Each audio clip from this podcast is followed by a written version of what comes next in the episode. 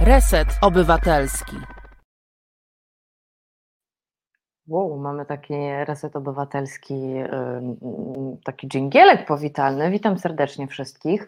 E, ja nazywam się Marta Woźniak, to jest e, Maszketnik, e, mój autorski program na kanale Resetu Obywatelskiego. Jeżeli ktoś jest tutaj pierwszy raz, a jest zachęcony, zachęcony tematami, które dzisiaj, to polecam nie tylko ten program, ale również inne programy, które na kanale Resetu Obywatelskiego się pojawiają. Więc jeżeli chcecie być na bieżąco, to koniecznie dajcie, trzeba kliknąć w taki dzwoneczek, to się nazywa E, subskrypcja, e, no i wtedy wszyscy jesteśmy na bieżąco, prawda? No i jeszcze zachęcam do tego, żeby polubić nasz profil na Facebooku, bo tam jest taka tablica informacyjna i ogłoszeniowa. No i e, jeżeli ktoś na przykład uważa, że robimy fajne rzeczy i faktycznie obywatelujemy, wychodzimy poza taką swoją przestrzeń i dowiadujemy się czegoś ciekawego o nas samych, o świecie, to jeżeli ktoś ma ochotę, to serdecznie odsyłam tutaj do naszej zrzutki Resetu Obywatelskiego która jest no, na zrzutce.pl, zrzutka.pl, ukośnik Z, ukośnik Reset Obywatelski. I y, można również nas wspierać w inny sposób, to znaczy y, przenosz, y, przenosząc, tutaj przeczytałam w jednym z komentarzy teleportacja, więc od razu mi się jakieś przenoszenie, przenoszenie włączyło, ale e, można też nas wspierać przez Fundację Arbitror i tam w tytule wpłaty wpisać e, darowiznę na cele statutowe resetu obywatelskiego i za każdą złotówkę, za każdą wpłatę, za każde polecenie nas serdecznie, serdecznie dziękuję. Wczoraj z tego co się orientuję Marcin Celiński opublikował jak wygląda właśnie sytuacja, nie ma tajemnic, ile Państwo wpłacają, no kwota jest ogromna, także bardzo, bardzo, bardzo dziękujemy. Witam Państwa serdecznie. Witam Wiewióra, witam Panią Dorotę, Remiego, witam Pana Adriana, Pana Grzegorza, Panią Annę, Pana Mateusza, Pana Andrzeja, e, Łysą Zezowatą i Kosmatego Wilka. Cieszę się, że Państwo są po tej drugiej stronie. Mogą Państwo też, oj, Kapitan Stratford, jest Jaro z Lublina, cieszę się, że Państwo są, e, bo mamy dzisiaj no, dwa super tematy, wydaje mi się. E, po pierwsze, przenosimy, przenosimy się dość daleko, bo przenosimy się po pierwsze do Afganistanu, a później z Afganistanu lecimy w kosmos. Do Afganistanu przenosimy się dosłownie, bo tam znajduje się iranistka Jagoda Grondecka, która opowie, jak to się żyje ekspatce w Afganistanie. Natomiast jeżeli chodzi o kosmos, to tak sobie pomyślałam, że kiedyś jedna z naszych e, widzek, pani Magdalena, e, prosiła o tematy kosmiczne, więc stwierdziłam, no to sobie zobaczmy, jak wyglądał w ogóle ten rok i czy pandemia w jakiś sposób pokrzyżowała plany naukowcom. Więc taki jest rozkład jazdy na dzisiaj o godzinie 17, czyli już za chwilę, już za moment połączymy się z Jagodą Grondecką. Mm, natomiast po godzinie 18 łączymy się z Kamilem Muzyką, e, specjalistą do sprawa do, do prawa specjalistą prawa kosmicznego. O, to chciałam dokładnie powiedzieć. Jeżeli mają Państwo jakieś pytania, mogą oczywiście zostawiać pytania w komentarzach, e, bo jest czat na żywo, albo mogą Państwo też na przykład e, dzwonić do, pod nasz resetowy numer. Numer telefonu się wyświetla tutaj na dole pode mną 698286411, a myślę, że jest o co pytać e, i mam nadzieję, że internet nie zawiedzie w Afganistanie. Już teraz się łączymy z Jagodą Grondecką, iranistką, która parę tygodni temu przeprowadziła się do Kabulu. Witam Cię bardzo serdecznie. Witam Cię Marto i witam wszystkich. Dobry wieczór. Znaczy mój wieczór. Jak? No, no słuchaj, no, u nas jest 17, a u Ciebie która jest godzina? 20.30. 20.30, no to nie jest nawet jeszcze tak, nie jest jeszcze tak najgorzej.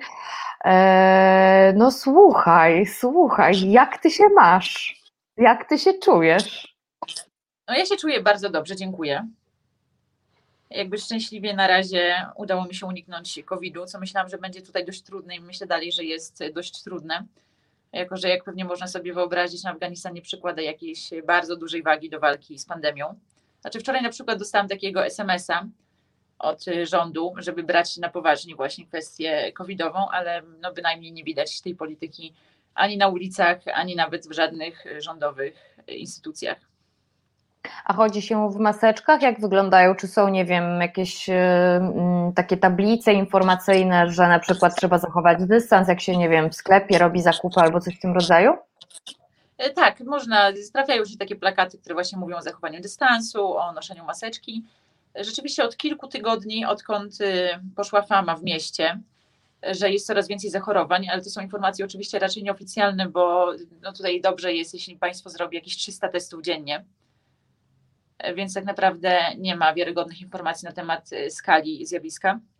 Niektórzy zaczęli rzeczywiście nosić maseczki, ale nie jestem do końca przekonana, czy wszyscy rozumieją tę ideę, bo na przykład wczoraj odbieram z lotniska moją koleżankę, widziałam całą grupkę panów, z których wszyscy mieli maseczki i wszyscy się w tych maseczkach całowali i obściskiwali serdecznie. A ty chodzisz w maseczce? Przyznam szczerze, że nie. E, po pierwsze, niestety łatwo jest, e, kiedy nie ma się takiego poczucia zagrożenia, na jakie ma się w Europie, jakby chociażby w Polsce, przez te wszystkie obostrzenia, które cały czas przypominają ci, że rzeczywiście mamy tutaj sytuację wyjątkową, pandemiczną. E, po pierwsze, łatwiej jest jakoś tak wyluzować, chociaż oczywiście z tyłu głowy ma się świadomość, że to zupełnie nie jest racjonalne. Po drugie, staram się dużo rozmawiać z miejscowymi ludźmi i żeby oni rozmawiali ze mną i nie traktowali mnie przy okazji jako Smitkiego, muszą wiedzieć, że ja się ich nie boję. Mhm. A mam niestety przekonanie, że gdybym przychodziła do nich w maseczce, oni odbieraliby to właśnie w taki sposób. Mhm. No dobrze, to sytuacja pandemiczna odhaczona. Mm, no więc tak, ty pojechałaś do Afganistanu ze względów zawodowych e, i po tych kilku miesiącach uważasz, że warto było, czy może lepiej przyglądać się Afganistanowi z Polski? E, no bo jednak prawie codziennie doświadczasz e, wybuchów, bomb, huków i innych temu podobnych niebezpiecznych sytuacji. Jak, jak się zachowuje wtedy twój organizm, czy nie wiem, skakujesz pod łóżko albo już do tego przywykłaś, czy jak to wygląda? Tak, odpowiadając na pierwsze pytanie, zdecydowanie warto, na pewno warto. Jakby myślę, że obie się zgodzimy, że sytuacji zawsze lepiej jest przyglądać się z bliska. Mhm. I ciężko tak naprawdę mówić, coś pisać o sytuacji, jakby szczególnie tak skomplikowanej, z jaką mamy do czynienia w Afganistanie na dystans. Chociaż tak naprawdę taki dystans można wykreować nawet tutaj na miejscu, y, ponieważ ze względów bezpieczeństwa bardzo wielu dziennikarzy, takich, którzy pracują dla agencji, mają jakieś ścisłe restrykcje co do poruszania się, wychodzenia, jeżdżenia, więc tak naprawdę prawie nie opuszczają y, swoich biur, swoich compoundów, etc. A nawet wielu freelancerów, których znam, y, których żadne takie restrykcje nie obowiązują i teoretycznie mogliby robić co chcą, wyznają zasadę jakby nie wychodzenia z domu bez żadnej pilnej potrzeby Mhm. To nie chcę oczywiście tego krytykować. Każdy ma, gdzieś na kwestię bezpieczeństwa i każdy ma jakieś tutaj swoje wyobrażenie na ten temat. Jednak no, ja zadałabym sobie pytanie, czy jeśli ja boję się pójść do restauracji na kolację albo zwyczajnie wyjść na ulicę i przejść 200 metrów, żeby pójść do sklepu i sobie coś kupić, no to czy w ogóle powinnam tutaj być? Mhm. Nie uważam, żeby dało się opowiedzieć o wojnie i, i jakoś schumanizować tę wojnę siedząc cały czas za, za murem, za drutem kolczastym, nie rozmawiając z ludźmi i zupełnie, będąc zupełnie oderwanym od ich sytuacji. Ale czujesz się tak w miarę bezpiecznie? Wydaje mi się chwilami, że czuję się zbyt bezpiecznie. Myślę, że to jest taki mechanizm obronny, bo gdyby jednak człowiek nieustannie myślał o tym zagrożeniu, w którym jest przez cały czas, no to niech nie by zwariował. Mhm. E, no, oczywiście jakby by bomby, wybuchy, to, to wszystko brzmi bardzo groźnie, jednak no, zdaję sobie sprawę, że w 7-milionowym mieście jest wciąż całkiem niewielka szansa, że ja trafię akurat w miejsce jakiejś eksplozji. Na pewno dla obcokrajowca największym zagrożeniem jest porwanie albo ze strony jakichś grup terrorystycznych, e, co miało być wykorzystane propagandowo, e, albo po prostu dla okupu przez jakichś zwyczajnych, e, jakieś zwyczajne przestępcze grupy zorganizowane. No mhm. są jakieś sposoby, żeby temu zapobiegać, jak chociażby wychodzenie i wracanie do domu o różnych porach, różnymi drogami, zmienianie okrycia wierzchniego. No to wszystko oczywiście staram się jakoś tam w miarę możliwości aplikować, tak żeby przynajmniej to zagrożenie zminimalizować. Oczywiście nie mogę powiedzieć, mhm. że czuję się całkowicie bezpiecznie, jednak staram się prowadzić w miarę normalne życie, spotykać się z znajomymi, wychodzić na kawę, chodzić do tego sklepu i tak dalej. Mhm. E, Niby już w Afganistanie byłaś, bo to nie jest twój pierwszy raz, e, ale teraz już wiza dziennikarska, wszystko tak, e, wiesz, wyjeżdżasz i chcesz być, wiesz, no na miejscu relacjonować różne rzeczy, nie tylko polityczne. No i do, wydaje mi się, że doświadczasz czegoś nowego. Jak w takim razie wygląda twoje takie codzienne życie w Afganistanie? Co jest dla ciebie zaskakujące? E, i z jakimi sprawami musisz się boksować, z którymi na przykład w Polsce nie musiałaś się boksować. E, I tutaj jeszcze tylko powiem naszym widzkom i naszym widzom, że e, odsyłam Państwa tak, jeżeli chcą Państwo bardziej politycznie, to na Twittera Jagody Grondecka, a jeżeli chcą Państwo bardziej takie życie w Afganistanie, to na Instagrama odsyłam, bo tam w relacjach dajesz masę, masę no, ciekawych rzeczy, z którymi jednak musisz się, wiesz, konfrontować, co e, no, chociażby te sprawy z internetem. No więc opowiadaj, jak się żyje w Afganistanie. Europejski. E, no na pewno pierwszy taki podstawowy problem życia codziennego, e, z którym tutaj przychodzi się mierzyć, to są bardzo częste i często też bardzo długie przerwy w dostawie prądu. Ja no jednak jako osoba wycho urodzona, wychowana w kraju tak zwanej globalnej północy, nie zdawałam sobie sprawy, jakkolwiek głupio to nie brzmi, ilu rzeczy bez prądu nie można zrobić. I bardzo często łapałam się na przykład na tym, że wstawałam rano, znowu nie było prądu, więc wiedziałam na przykład, że nie wezmę ciepłego prysznica, no bo nie nagrzeję sobie wody w boilerze. Więc myślałam, hmm, okej, okay, to w takim razie zrobię sobie kawę. Czajnik jest tylko elektryczny. No więc pocknęłam się, ok, zero kawy. W takim razie pójdę do kawiarni, żeby popracować, ale przed pójściem uprasuję sobie spodnie. I dopiero jak już wyciągnęłam to żelazko, pomyślałam, a do czego jakby je sobie jagodę podłączysz. E, tutaj wręcz było takie półtora tygodnia, mm, jakoś końcem listopada, na przełom listopada i grudnia, że tego prądu nie było wcale. Ewentualnie czasami się zdarzył przez jakąś godzinę, nie między drugą a trzecią nad ranem, ale to też z rzadka. E, starałam się sobie mówić po prostu, że to trochę obóz przetrwania i w ogóle bardzo zabawna sprawa. Kiedy musiałam wstawać, rozpalać od razu w piecyku, bo w pokoju było 10 stopni. Butelki z wodą sobie ustawiałam dookoła tego piecyka, żeby ją trochę zagrzać, żeby móc się trochę umyć.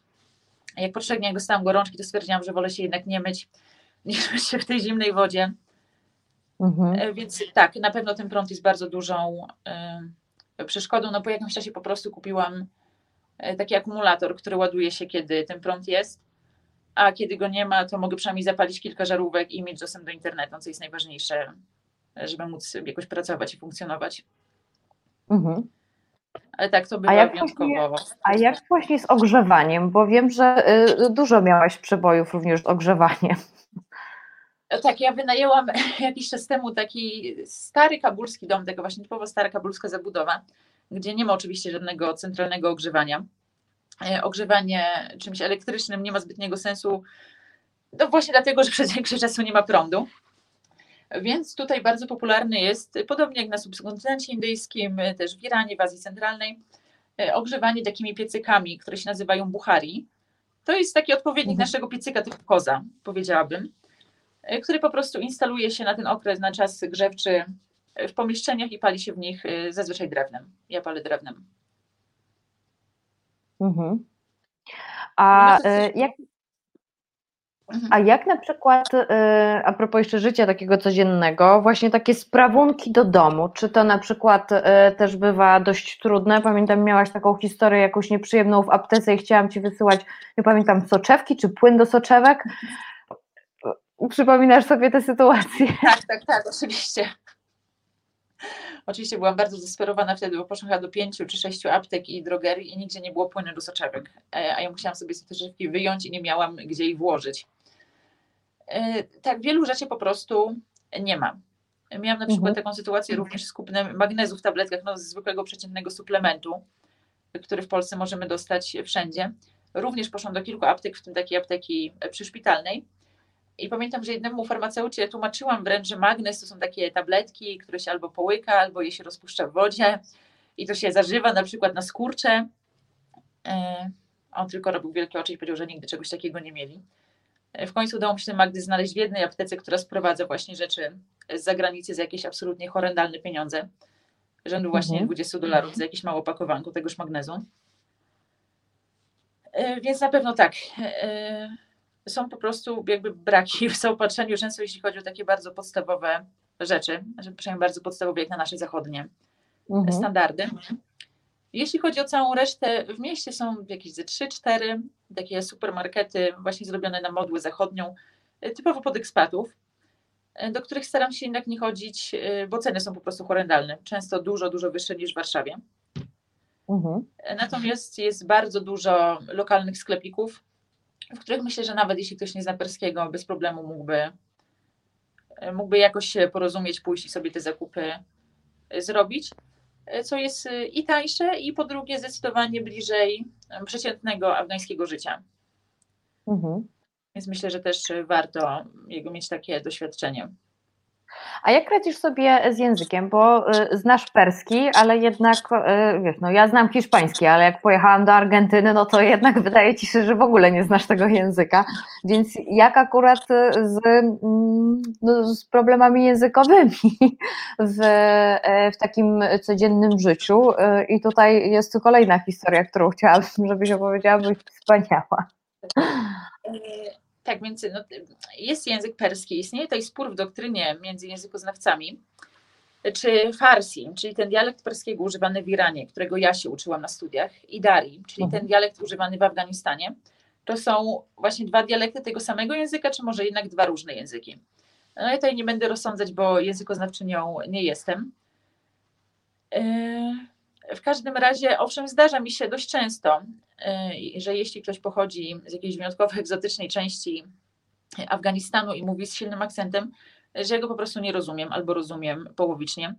Jestem w stanie za to na kilometr rozpoznać y, Afganów, którzy byli jako uchodźcy urodzeni w Iranie i tam dorastali, bo oni mówią bardzo właśnie ładnie, przejrzyście i zrozumiale. Na co dzień mimo wszystko jakby przynajmniej ludzie rozumieją mnie. Ewentualnie ja nie rozumiem mhm. odpowiedzi, ale zawsze jakoś da się mimo wszystko dogadać.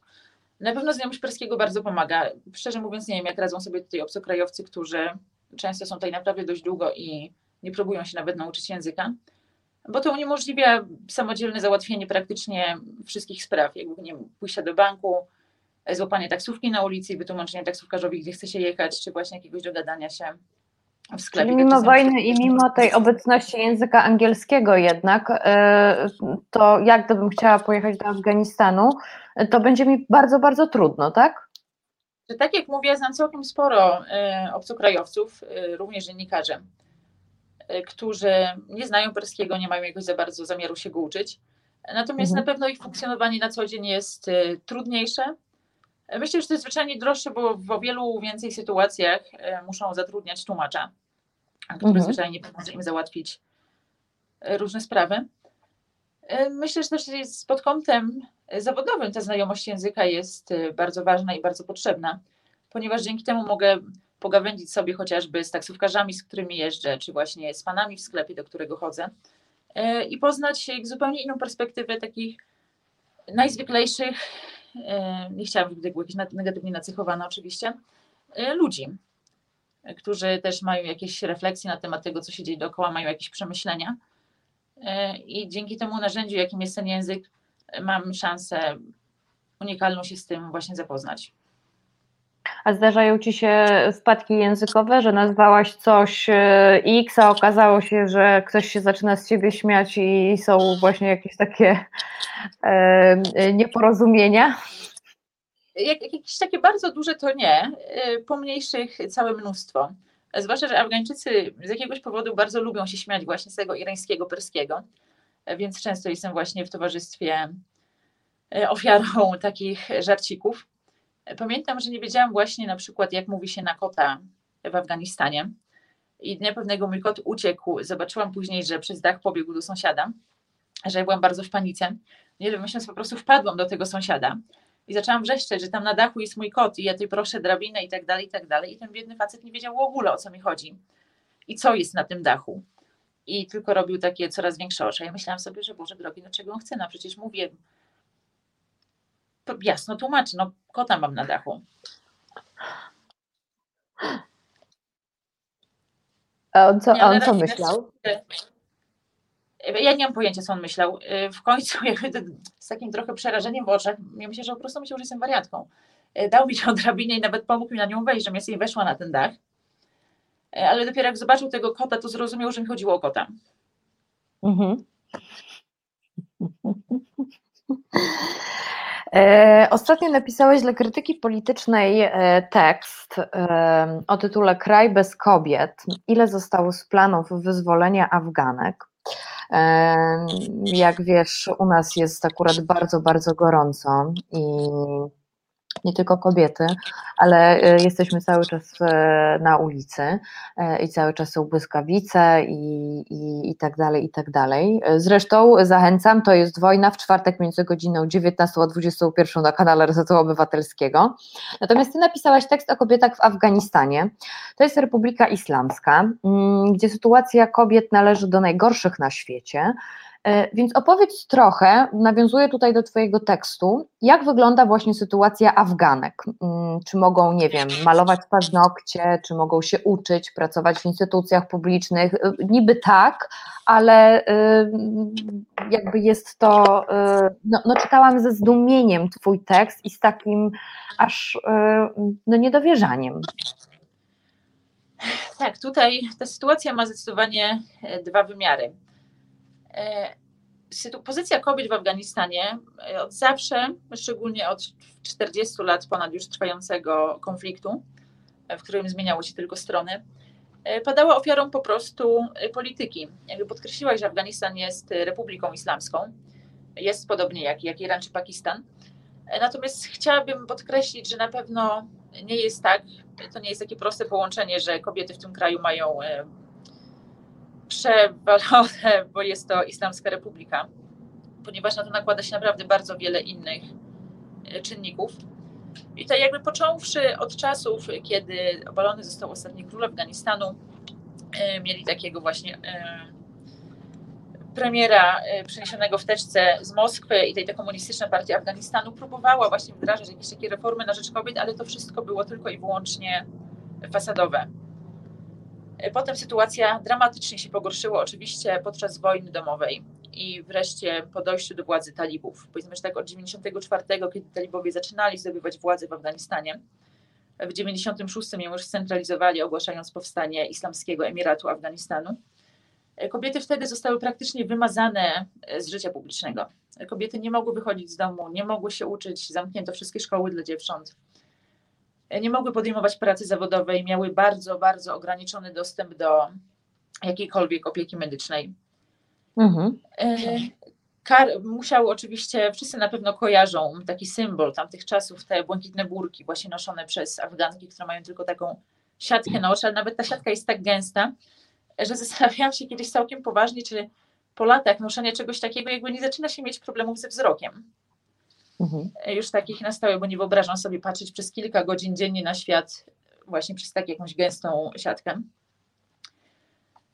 E, później, w 2001, a kary były bardzo surowe za te wszystkie przewinienia. E, to były mowa o karach chłosty, e, obcinania uszu, obcinania nosa, kamieniowania, na przykład jeśli kobieta dopuściła się lub podejrzewało się, że się dopuściła aktu cudzołóstwa. E, no to budziło oczywiście wielką grozę wśród e, obrońców praw człowieka i gdzieś tam w ogóle w świecie zachodnim. Stąd ta wojna, która rozpoczęła się po amerykańskiej interwencji w 2001, po obaleniu tego reżimu talibów, e, również jakby mówiło się, że to jest właśnie też wojna na rzecz praw kobiet. To był taki jeden z tych sztandarów, że my tutaj jesteśmy właśnie, żeby wzmocnić pozycję Afganek, żeby nadać im znowu te prawa. A kto tak żeby mówił? Sytuację.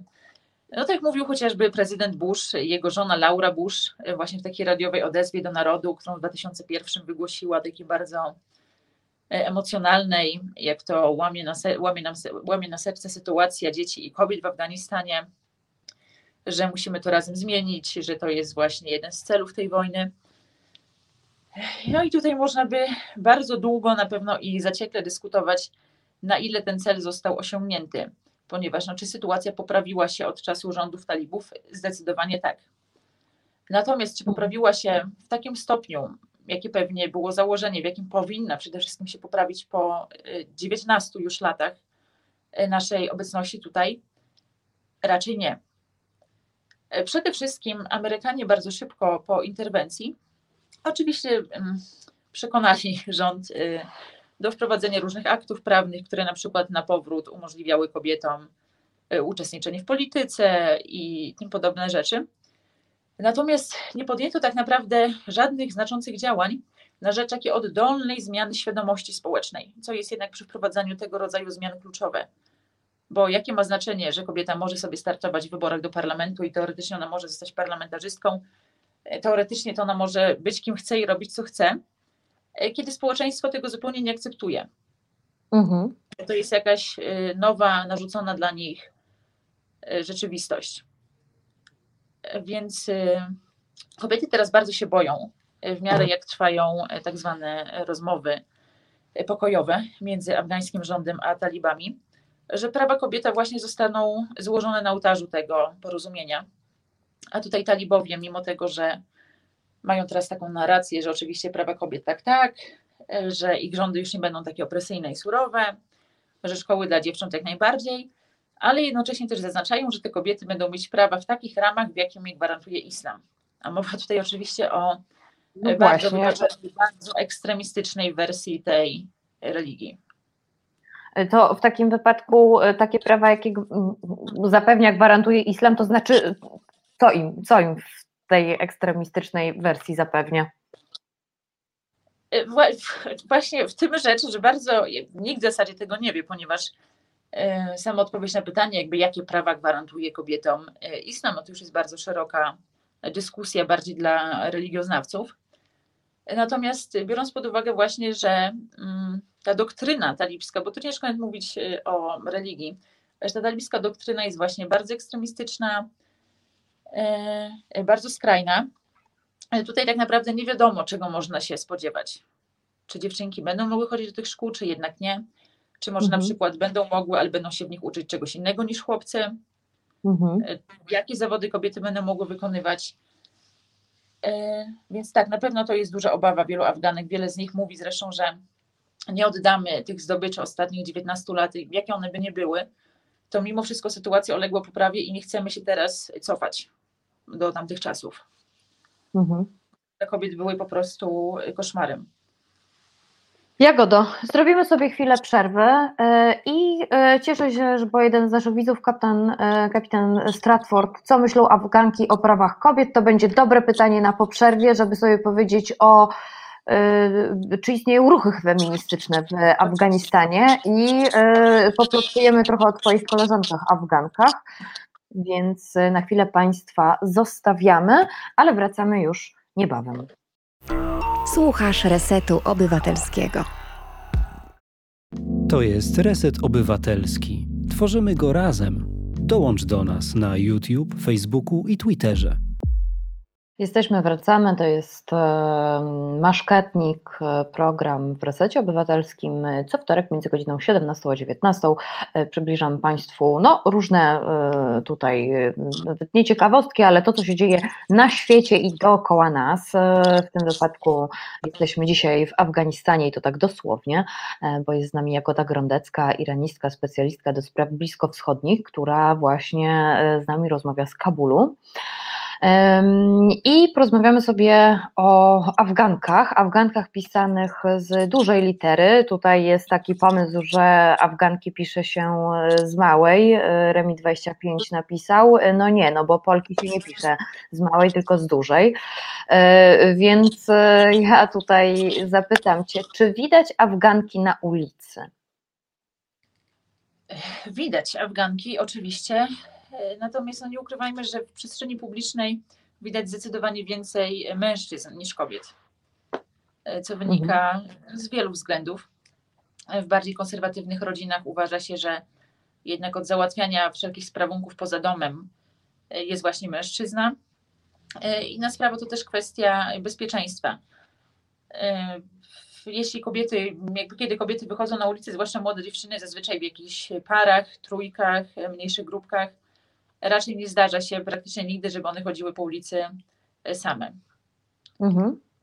A ty masz e, dużo e, znajomych, które właśnie, nie wiem, robią karierę w, no nie wiem, w jakichś radach miejskich albo na uniwersytetach?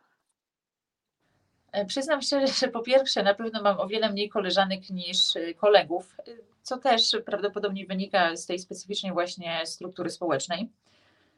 Ale tak, znam całkiem sporo kobiet, które realizują się na przykład zawodowo w zawodach typu prawniczka, które udzielają się politycznie, które są szefowymi i to one wydają polecenia mężczyznom.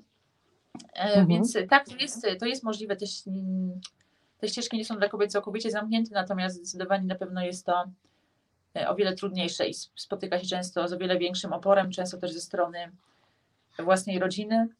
Są też zawody, które uprawiane przez kobiety narażają na szczególne niebezpieczeństwo, jak na przykład dziennikarki telewizyjne, które pokazują codziennie na wizji swoją twarz, co dla no, co bardziej konserwatywnych e, osób jest nie do zaakceptowania takie właśnie mhm. pokazywanie się publicznie całemu narodowi przez kobietę. Wow. No to wróćmy do tego pytania kapitana Stratforda. E, co myślą Afganki o prawach kobiet? E, więc czy właśnie pojawiają się takie ruchy feministyczne w ogóle, czy są, nie wiem, organizacje prokobiece, które E, które chcą jakby, mm, nie wiem, więcej praw, podkreślają, że to prawa człowieka i właśnie, właśnie jak, to, jak, jak z tymi prawami e, kobiet, jak, jak z tą walką, bo, bo to zawsze trzeba walczyć o swoje. Oczywiście.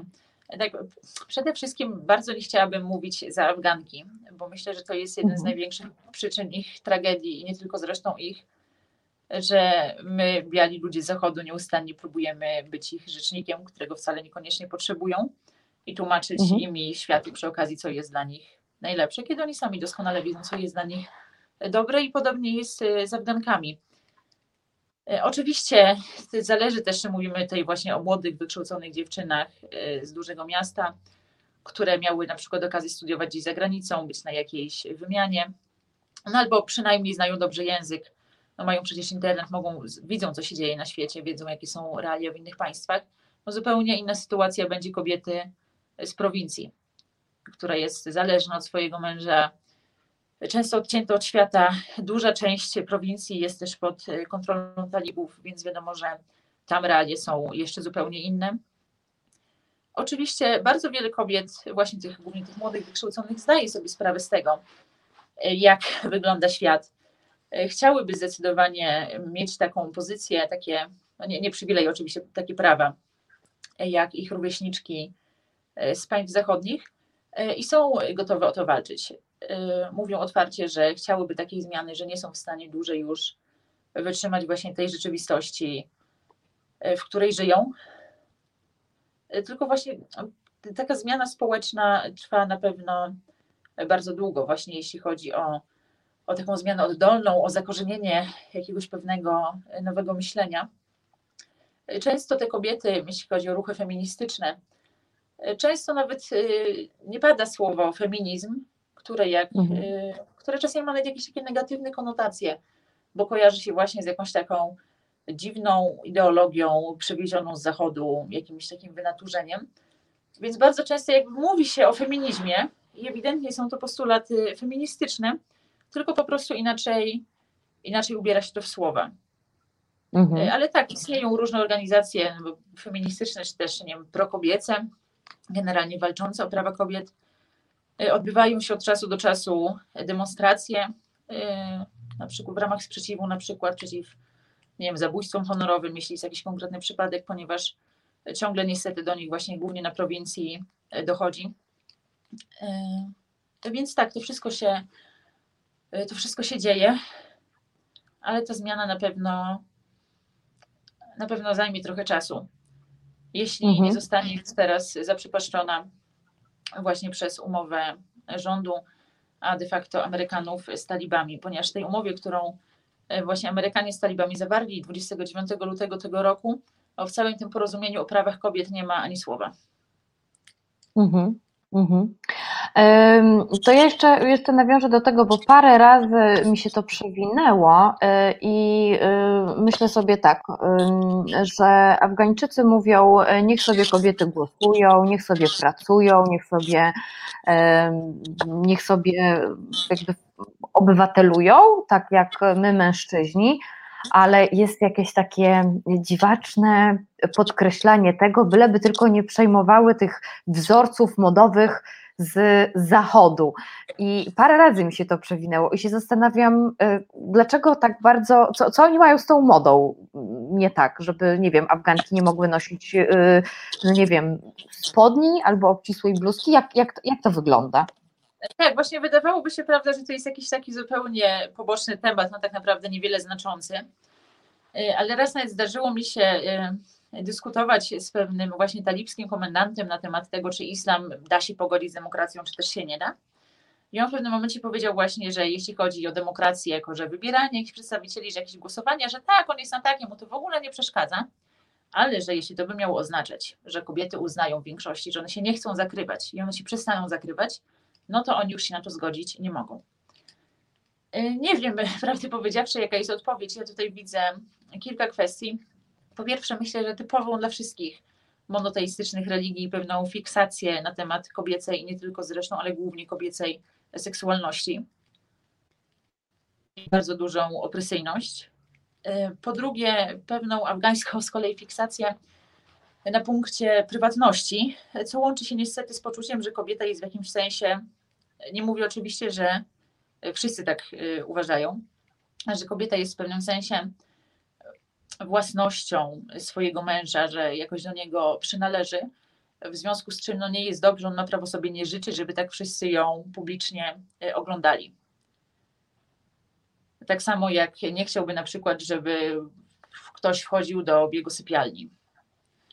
Mhm. Więc myślę, że na to się nakładają właśnie i te aspekty religijne, i jakieś takie aspekty kulturowe, które nie mają nic wspólnego z religią tylko jakimś takim właśnie, no, przede wszystkim bardzo silnie ugruntowanym patriarchatem i takim specyficznym właśnie przekonaniem na temat y, pewnej prywatności i zakrywania tego, co jest prywatne, nie pokazywania tego światu.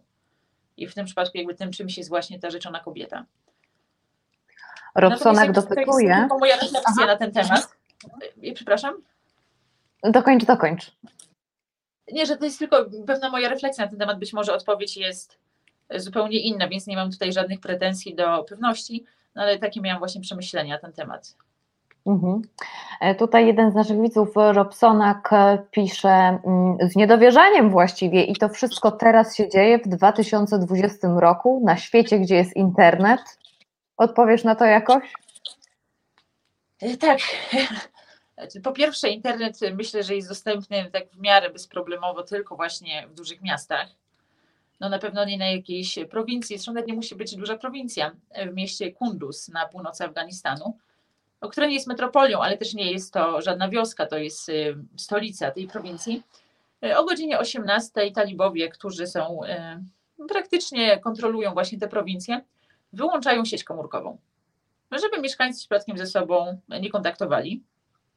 Mhm. I tak jakoś do 6-7 rano tej sieci komórkowej nie ma i nic się na to nie poradzi. Więc to też nie jest tak, że każdy może mieć sobie dostęp do internetu i, i szukać niczego mu się podoba. No, często też niestety bardzo wiele kobiet y, właśnie z powodu, mimo tego właśnie co deklarowali również Amerykanie w ogóle, cała koalicja, która dokonała tutaj interwencji, mimo tego co deklarowali wielokrotnie afgańscy rządzący, dalej nie rozwiązano sprawnie kwestii edukacji, więc wiele dzieci, szczególnie dziewczynek, ale nie tylko, nie ma po prostu dostępu do edukacji, w związku z czym e, wiele kobiet jest zwyczajnie niepiśmiennych, więc nawet jeśli miałby ten internet, to nie mają narzędzi, żeby się nim posługiwać i żeby czegokolwiek w nim e, szukać. Mhm, mhm. Albo żeby rozbudzać w sobie no, chęć, chęć, chęć praw człowieka. W Twoim tekście jest e, rzecz, którą chciałabym, żebyś wyjaśniła mm, i zacytuję. E, tutaj myślę o tekście w krytyce politycznej, e, ten ostatni, więc naprawdę zachęcam Państwa do przeczytania tego tekstu. Zresztą po audycji, po naszym programie wrzucę też Państwu w komentarz naszej grupie Reset Obywatelski Przyjaciel, żeby mogli, jeżeli mają Państwo trudność ze znalezieniem tego tekstu, ale ma, masz tam taki, mm, masz tam taki fragment, taki akapit. Myli jeden sądzi, że tylko religijni fanatycy i ich totalitarne zapędy są siłą hamulcową na drodze walki o prawa i podmiotowość afgańskich kobiet, choć zdarza się, że jako cudzoziemka jestem traktowana inaczej, czyli jak mężczyzna. Wielokrotnie przekonywałam się na własnej skórze, że w afgańskim społeczeństwie, nawet w stolicy kraju, bo to, co dzieje się na prowincji, to zupełnie inna historia, kobieta ma praktycznie status dziecka. Mogłabyś to wyjaśnić? E, tak, e, bo tutaj właśnie można by pomyśleć, że głównym problemem kobiet jest właśnie jakaś ma niewielka stosunkowo grupka jakichś religijnych, brodatych fanatyków w turbanach. E, podczas gdy Afganistan to po prostu mimo wszystko bardzo konserwatywne społeczeństwo. I nawet rodziny, które na przykład wykształciły swoje córki, wysłały je na studia, mają problem z jakimiś rzeczami, o których my nigdy nie pomyślelibyśmy, że mogą stanowić w ogóle jakiekolwiek zagadnienie. Mam na przykład właśnie koleżankę prawniczkę, świetną specjalistkę, która pracuje w kancelarii prezydenta, właśnie jako specjalistka do spraw prawnych. Mieszka z rodzicami. Jej ojciec, jakby mimo właśnie tego, że wykształcił ją, że nie miał problemu z wyborem przez nią tego zawodu, który no nie jest uważany za jakiś stworzony dla kobiet, ma bardzo duży problem z tym, że ona chodzi na siłownię mimo tego, że siłownie oczywiście są oddzielne dla kobiet i dla mężczyzn, więc nie dochodzi tam do żadnych e, do żadnego obrażania się w gronie e, mieszanym. Hmm. I to jest dla niego na przykład zupełnie nie do pomyślenia i to jest jedna z przyczyn ich domowych kłótni. Więc na rzecz dzieje się właśnie w Kabulu, jakby wykształconej, wykształconej rodzinie. Więc jest bardzo wiele takich kwestii. A jeśli chodzi o to bycie niewidzialną, to tak, jakby wielokrotnie zdarzało mi się, że mimo tego, że ci ludzie wiedzieli, że ja rozumiem, że ja mówię w ich języku, to zupełnie konsekwentnie mnie ignorowali i zwracali się tylko i wyłącznie do mężczyzny, z którym ja akurat byłam. I tak, kiedy na przykład mhm. szukałam domu na wynajem, absolutnie wszędzie musiałam się pojawiać albo z chłopakiem, albo z przyjacielem, bo ci panowie, właściciele, agenci nieruchomości to oczywiście zawsze byli mężczyźni. Mimo tego, że wiedzieli, że ten dom jest dla mnie, że to ja będę płacić za niego czynsz, że to ja podpiszę tę umowę, zwracali się zawsze tylko i wyłącznie do nich, o mnie mówiąc y, wcześniej o sobie liczby pojedynczej, kiedy stałam y, pół metra obok. Raz miałam taką sytuację wręcz komiczną, kiedy czekałam właśnie na pana inżyniera Montera z, ze spółki Afgan Telekom, rządowego dostawcy właśnie internetu. No i pan przyjechał, ja go wpuściłam, on wszedł, zrobił kilka metrów, rozejrzał się po podwórku bardzo teatralnie i zawołał, a dlaczego tu nikogo nie ma? Ja pomyślałam, no ktoś Ty jesteś. Jakby zawsze może pan wyjść, bo nie mogę mu no. otworzyć. Ale stwierdziłam, no, że jednak w moim najlepiej pojętym interesie jest, żeby ten pan tam jednak został. Więc wytłumaczyłam mu, że ja jestem, to jest mój dom i proszę się teraz zabrać do pracy. E, pan jeszcze trzy razy dopytywał, czy ja tutaj jestem sama, czy ja tutaj mieszkam sama i tak dalej. E, co też jakby pokazuje pewien paradoks, że mężczyźni chcą chronić prywatność swoich kobiet bardzo, Natomiast już y, cudzoziemcy nie mają żadnego problemu z tym, żeby zadawać cudzoziemcy jakieś takie, no mimo wszystko, osobiste dość pytania. Jak to właśnie, z kim mieszka, czy jest sama, etc.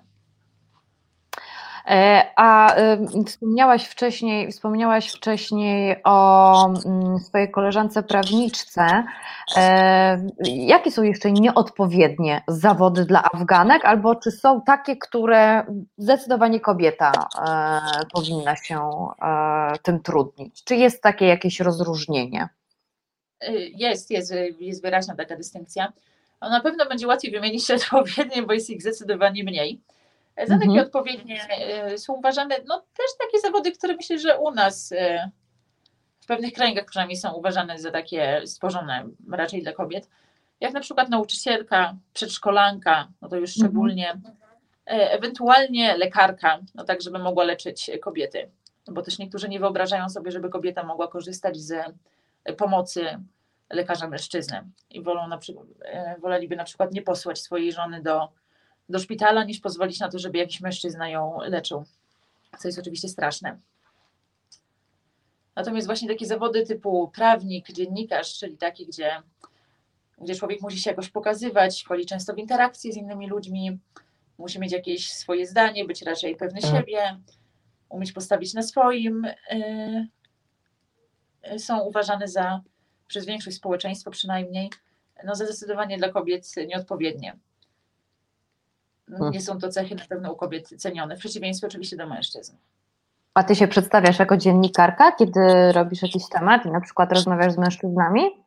Czy raczej, czy mówisz jasno? Nie, zawsze, tak, tak, tak, zawsze przedstawiam się jako dziennikarka. Nie zdarzyło mi się absolutnie żadne, nie, nigdy nie miałam żadnej nieprzyjemnej sytuacji z tego powodu. Ludzie Mhm. reagowali raczej zawsze z ciekawością, z życzliwością, a często zadawali jakieś tam dodatkowe pytania. No ale myślę właśnie, że to jest kwestia tego, że, że jestem jednak cudzoziemką, czyli zjawiskiem jakimś tam dość egzotycznym, e, które nie podlega do końca tym samym regułom. Mhm, mhm. Jesteś traktowana, traktowana inaczej. Remi dopytuje, jak w takim razie y, pani może tam mieszkać, ale jeszcze wcześniej, em, jeszcze wcześniej zapytał również o to. e, I jeżeli znasz odpowiedź, y, bo akurat y, na to się nie przygotowywałam, a nie wiem, czy wiesz, e, czy w Afganistanie można współżyć bez ślubu i od jakiego wieku i czy są kary za homoseksualizm? E, Przyznam szczerze, że nie mam pojęcia, jak wygląda tutaj w afgańskim prawie kwestia współżycia bez ślubu. Natomiast sądzę, że jako, że jest to Islamska Republika i tak to jest zapisane w Konstytucji, zakładam z góry i mówię to z taką 99% pewnością, że nie, ale to trzeba by sobie sprawdzić właśnie w afgańskiej Konstytucji, żeby mieć e, absolutną pewność. E, Za, homose- za akty homoseksualne tak, e, są kary, co jest właśnie też pewnym paradoksem, bo z jednej strony właśnie takie kary są. E, Nie powiem teraz jakie, ale tak, homoseksualizm nie jest e, legalny. Natomiast e, dość powszechne, zwłaszcza na prowincjach, ale nie tylko, w miastach również, jest takie zjawisko jak baczebozi, czyli taki dosłownie, nie wiem, chłopiec do zabawy, niektórzy to tłumaczą jako tańczący chłopiec, ale nie rozumiem dlaczego, prawdę powiedziawszy, e, które jest trochę taką zaowalowaną pedofilią, mówiąc wprost.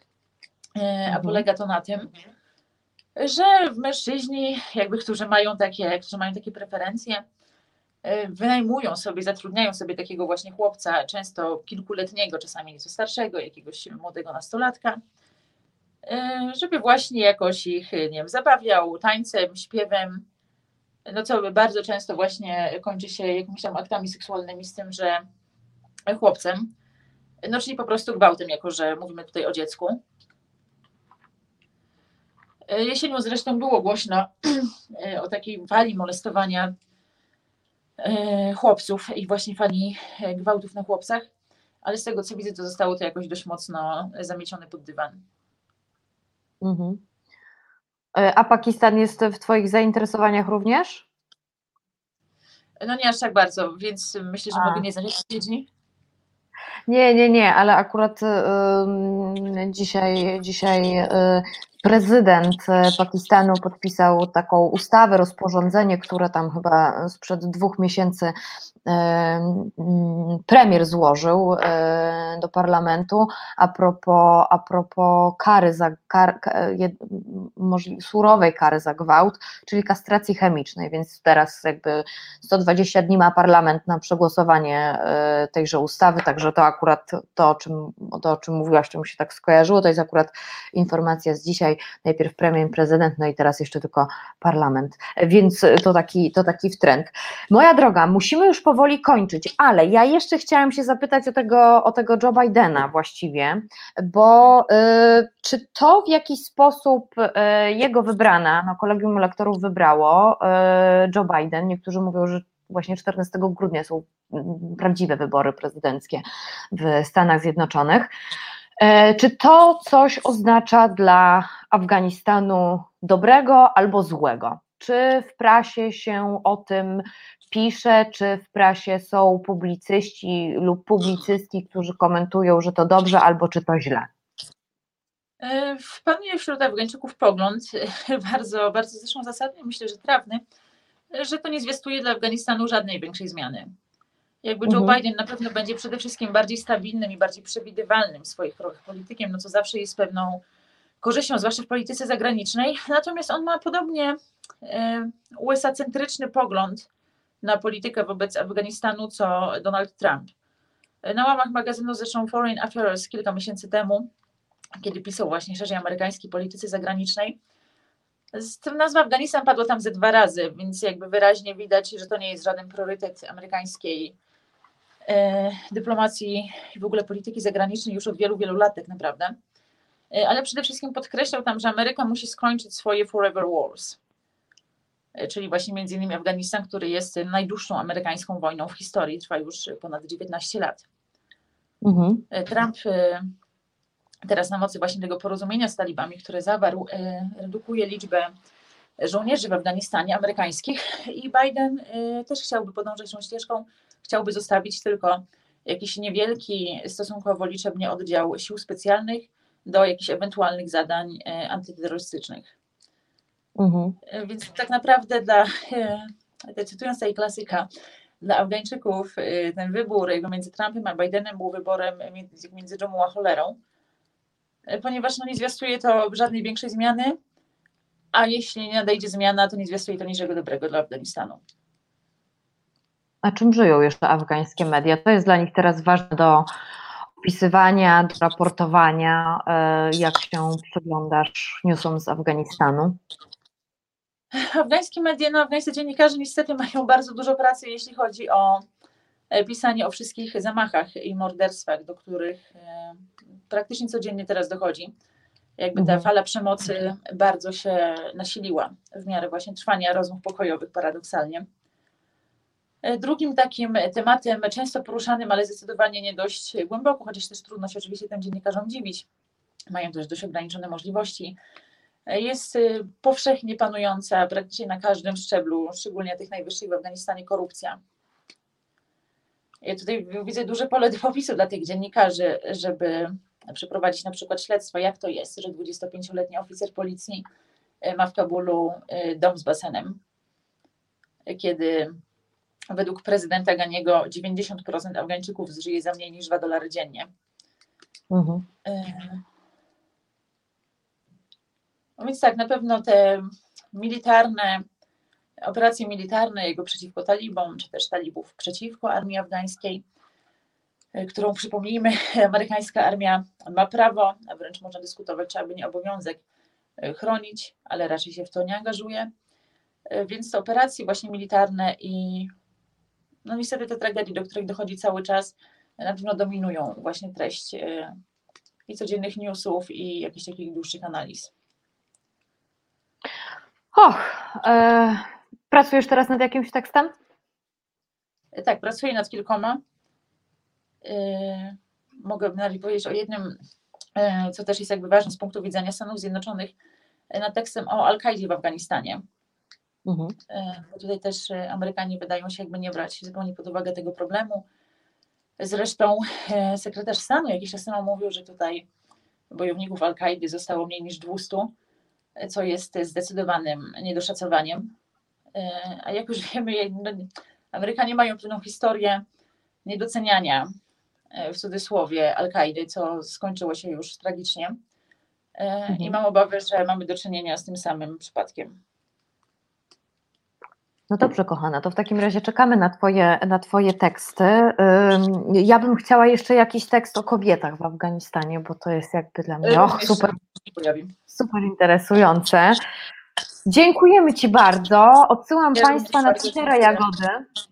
Odsyłam Państwa na Twittera Jagody, ale również na Instagrama, bo w relacjach jest naprawdę e, dużo, dużo ciekawych e, rzeczy z takiego życia codziennego, ale też jeżeli coś się dzieje w Afganistanie, Jagoda informuje o tym na bieżąco, także, e, także odsyłam tam. No i do tekstów krytyce politycznej również wyślę Państwu linka zdecydowanie. Jagoda, jeszcze raz dzięki. Ja też bardzo No i dziękuję. trzymaj się ciepło, trzymaj się, uważaj na siebie i czekamy na Ciebie tutaj również. Bardzo dziękuję, oczywiście. Do zobaczenia. Do zobaczenia, pa. Ja się z Państwem natomiast jeszcze nie żegnam, e, bo dopiero godzina minęła naszego maszketnika dzisiejszego, 15 grudnia 2020 roku. Za chwilę połączymy się z Kamilem Muzyką, specjalistą od prawa kosmicznego i e, porozmawiamy sobie, no takie zrobimy sobie podsumowanko a propos tego, jak wyglądał ten rok w kosmosie 2020 rok. E, Było bardzo dużo planów na początku roku, jakichś takich prognoz i czy one się wszystkie czy one się wszystkie spełniły, czy nie, a może pandemia zupełnie ominęła eksplorację kosmosu, ale nie wydaje mi się, potwierdzimy to zaraz z Kamilem Muzyką. Zostawiam Państwa na chwilę, e, zaraz, e, zaraz do Państwa wrócę. Jeżeli mają Państwo jakieś propozycje tematów, które warto byłoby poruszyć, ale również z propozycją, z kim można by było na ten dany temat porozmawiać, odsyłam Państwa do wysyłania mi wiadomości na m.wozniak.resetobywatelski.pl e, Maile czytam, e, na maile odpowiadam, także e, jeżeli będzie to w moim zasięgu, to chętnie no, przychylę się tutaj do propozycji, jakież to tematy możemy jeszcze w maszkatniku poruszać. Słyszymy się za chwilę. Reset Obywatelski działa dzięki Twojemu wsparciu. Znajdź nas na zrzutka.pl. To jest Maszketnik, ja nazywam się Marta Woźniak. E, to jest e, program w Resecie Obywatelskim e, w każdy wtorek między godziną 17 a 19. Reset Obywatelski mogą Państwo wspierać na naszej zrzutce Resetu Obywatelskiego, zrzutka.pl, ukośnik Z, ukośnik Reset Obywatelski, albo mogą też Państwo wspierać nas na przykład stałymi wpłatami na konto Fundacji Arbitror z dopiskiem darowi na cele statutowe Resetu Obywatelskiego. E, no i jeszcze przypomnę Państwu ramówkę, ponieważ to nie tylko ja tutaj jestem, e, ale też e, mamy każdego dnia, tygodnia coś, coś dobrego dla każdego. W poniedziałki Tomek Konca razem z Tomaszem Piątkiem, we wtorek jestem ja oraz Konrad Szołajski, zresztą Zachęcam Państwa do pozostania z Resetem Obywatelskim dzisiaj, bo w NAPSPAK e, no, będzie trochę rebelii.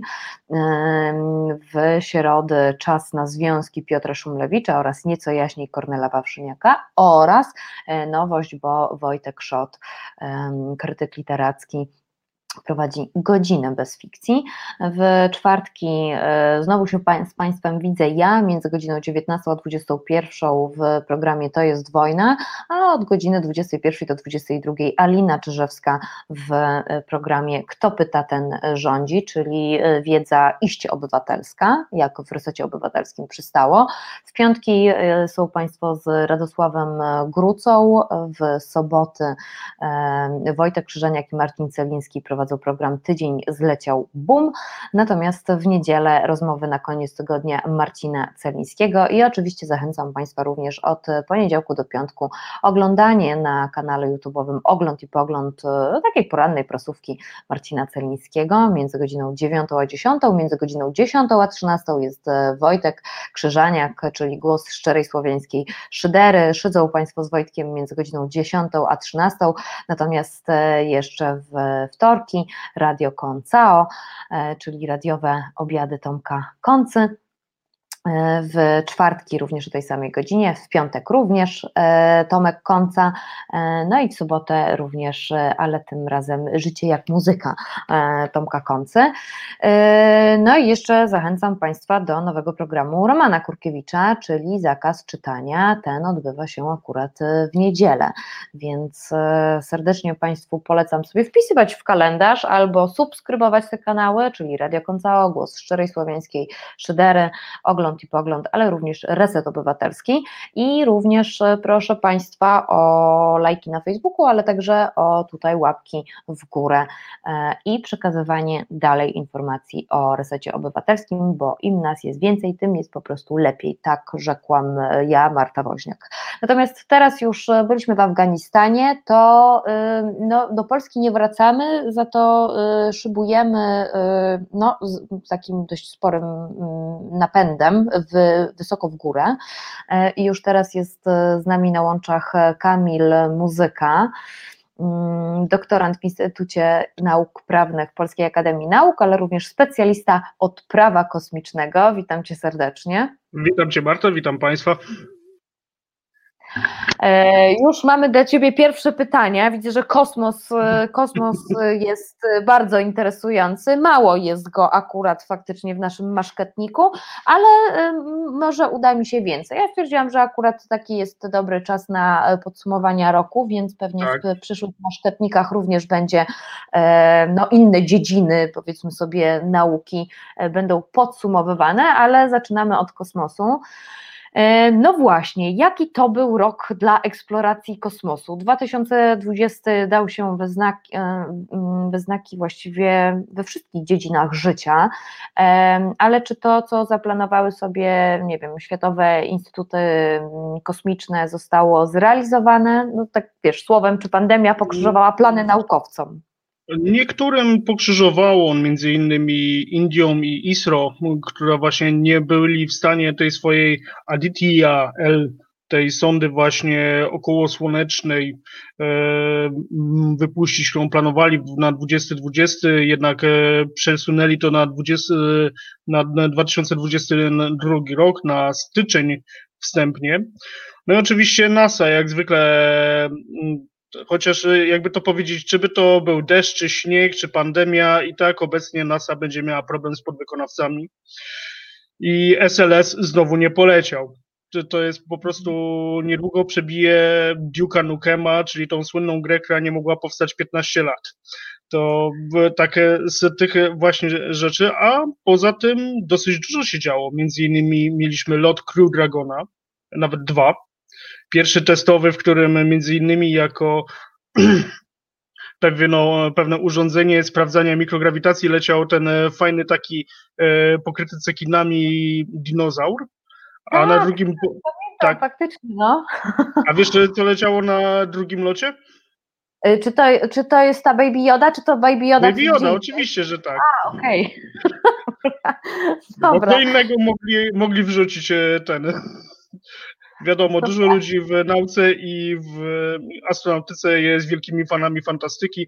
Trochę u nas się to, to, to gryzie, ale to jest pewna specyfika e, kulturowo-historyczna naszego kraju, jakby to powiedzieć. To o tym można by cały długi program zrobić. Natomiast wracając do tego, co się udało, no mm, próby między innymi Starshipa się mniej więcej udały.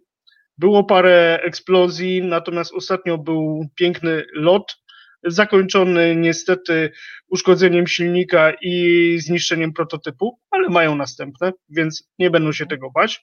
Lekcji, lekcje się nauczyli. Chińczycy oczywiście, jak zwykle, znowu nadrabiają całą zimną wojnę w ekspresowy sposób.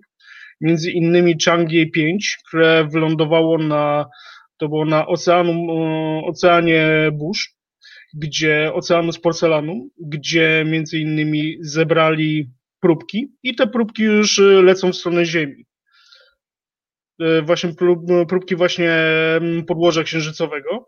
To jest pierwszy raz od lat 70., czyli od Łuny 24, żeby takie próbki zostały zebrane przez robota. E, mhm. Japończycy powtórzyli swój sukces, a nawet e, przebili swój sukces e, misją Hayabusa 2020 która mm, właśnie powróciła niedawno z, z tym właśnie z asteroidy Ryukyu. Za jakiś czas oczywiście będą, będą i amerykańskie mm, sądy wracać. I tak się ogólnie to kręci. Natomiast też coś, czego e, zwykle zapominamy, czyli to, co poza e, lotami kosmicznymi, czyli te badania z Ziemi, czy też badania z użyciem instrumentów. No to mieliśmy niedawno po pierwsze całe kwestie pokładów wody na, na Marsie, mhm. cyklów wodnych na Księżycu, czyli że woda potrafi tam występować e, w postaci ciekłej.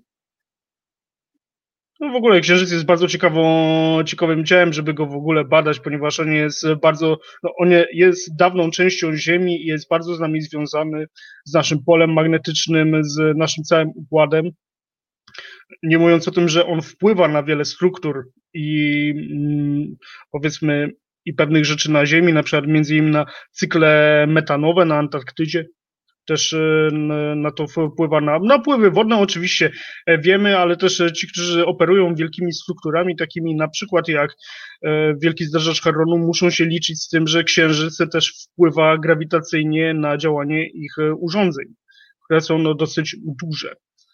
Więc tutaj to też. No i oczywiście słynne fosforany, dokładnie fosforowodory. Czyli to, co teoretycznie żeśmy odkryli na Wenus. Mhm. Dlaczego A, właśnie tak. Wenus ostatnio stało się tym, tym głośnym tematem? No dlatego, że jeżeli się nie, jeżeli się powiedzmy wyjdzie, że nie ma innych źródeł niż fizyczne występowanie tych właśnie fosforowodorów, to znaczy, że jeżeli się nie potwierdzą żadne inne e, sposoby ich występowania, żadne inne mechanizmy, w jaki sposób one mogłyby występować w tej atmosferze w takiej ilości, w jakiej zostały znalezione. I oczywiście, że jeżeli się potwierdzi, że to jest taka konkretna ilość, ponieważ to były głównie badania obserwacyjne, e, to w tym momencie, jeżeli wykluczymy wszystkie inne fizyczne i chemiczne procesy, zostają nam e, tak naprawdę procesy biologiczne. Jeżeli Mhm. jest e, życie na Wenus, to tak naprawdę w dużej mierze może zmienić nasze rozumowanie tego, czym jest życie, jak ono operuje, w jakich warunkach właśnie e, też istnieją organizmy ekstremofilijne lub ekstremotolerantne. Zresztą Polacy nie są taką nogą w astrobiologii. Może jesteśmy małym krajem, ale mm, tak naprawdę mamy nawet od niedawna, dokładnie od tego roku też Polskie Towarzystwo Astrobiologiczne, które się spotyka co czwartki i regularnie omawia mm, nowe kwestie, czy to odkryć, czy to na przykład elementy, gdzie astrobiologia, czy ogólnie biologia, na przykład syntetyczna, jest używana w astronautyce. Kwestie te, czy też ogólnie kwestie samej astronomii i astrofizyki, gdzie e, wzajemnie dają, dajemy, ponieważ też jestem członkiem tego towarzystwa, e, dajemy sobie wykłady, e, dzielimy się jakimiś przemyśleniami, porozumiewamy się. To są ludzie często z różnych ośrodków. Więc tu trzeba powiedzieć, że no to był jednak taki i w pewnych aspektach przełomowy. No i oczywiście umowy artemickie. Coś, czego do dzisiaj, powiedzmy, w polskim tam środowisku tego podziemia astrogórniczego, że tak to po nazwę, gdzie po prostu jest dużo ludzi, którzy są pasjonatami, ale są też ludzie, którzy tak ostro prą, żebyśmy już byli w tej części astrogórniczej, nie mogą wybaczyć, że polski rząd jeszcze tego nie podpisał. Czym są te porozumienia artemickie, te Artemis Accords?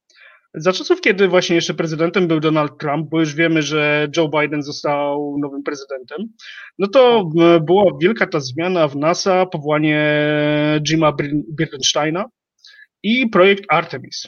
Pierwsza kobieta na Księżycu, pierwszy mężczyzna na Księżycu i cała nowa architektura misji.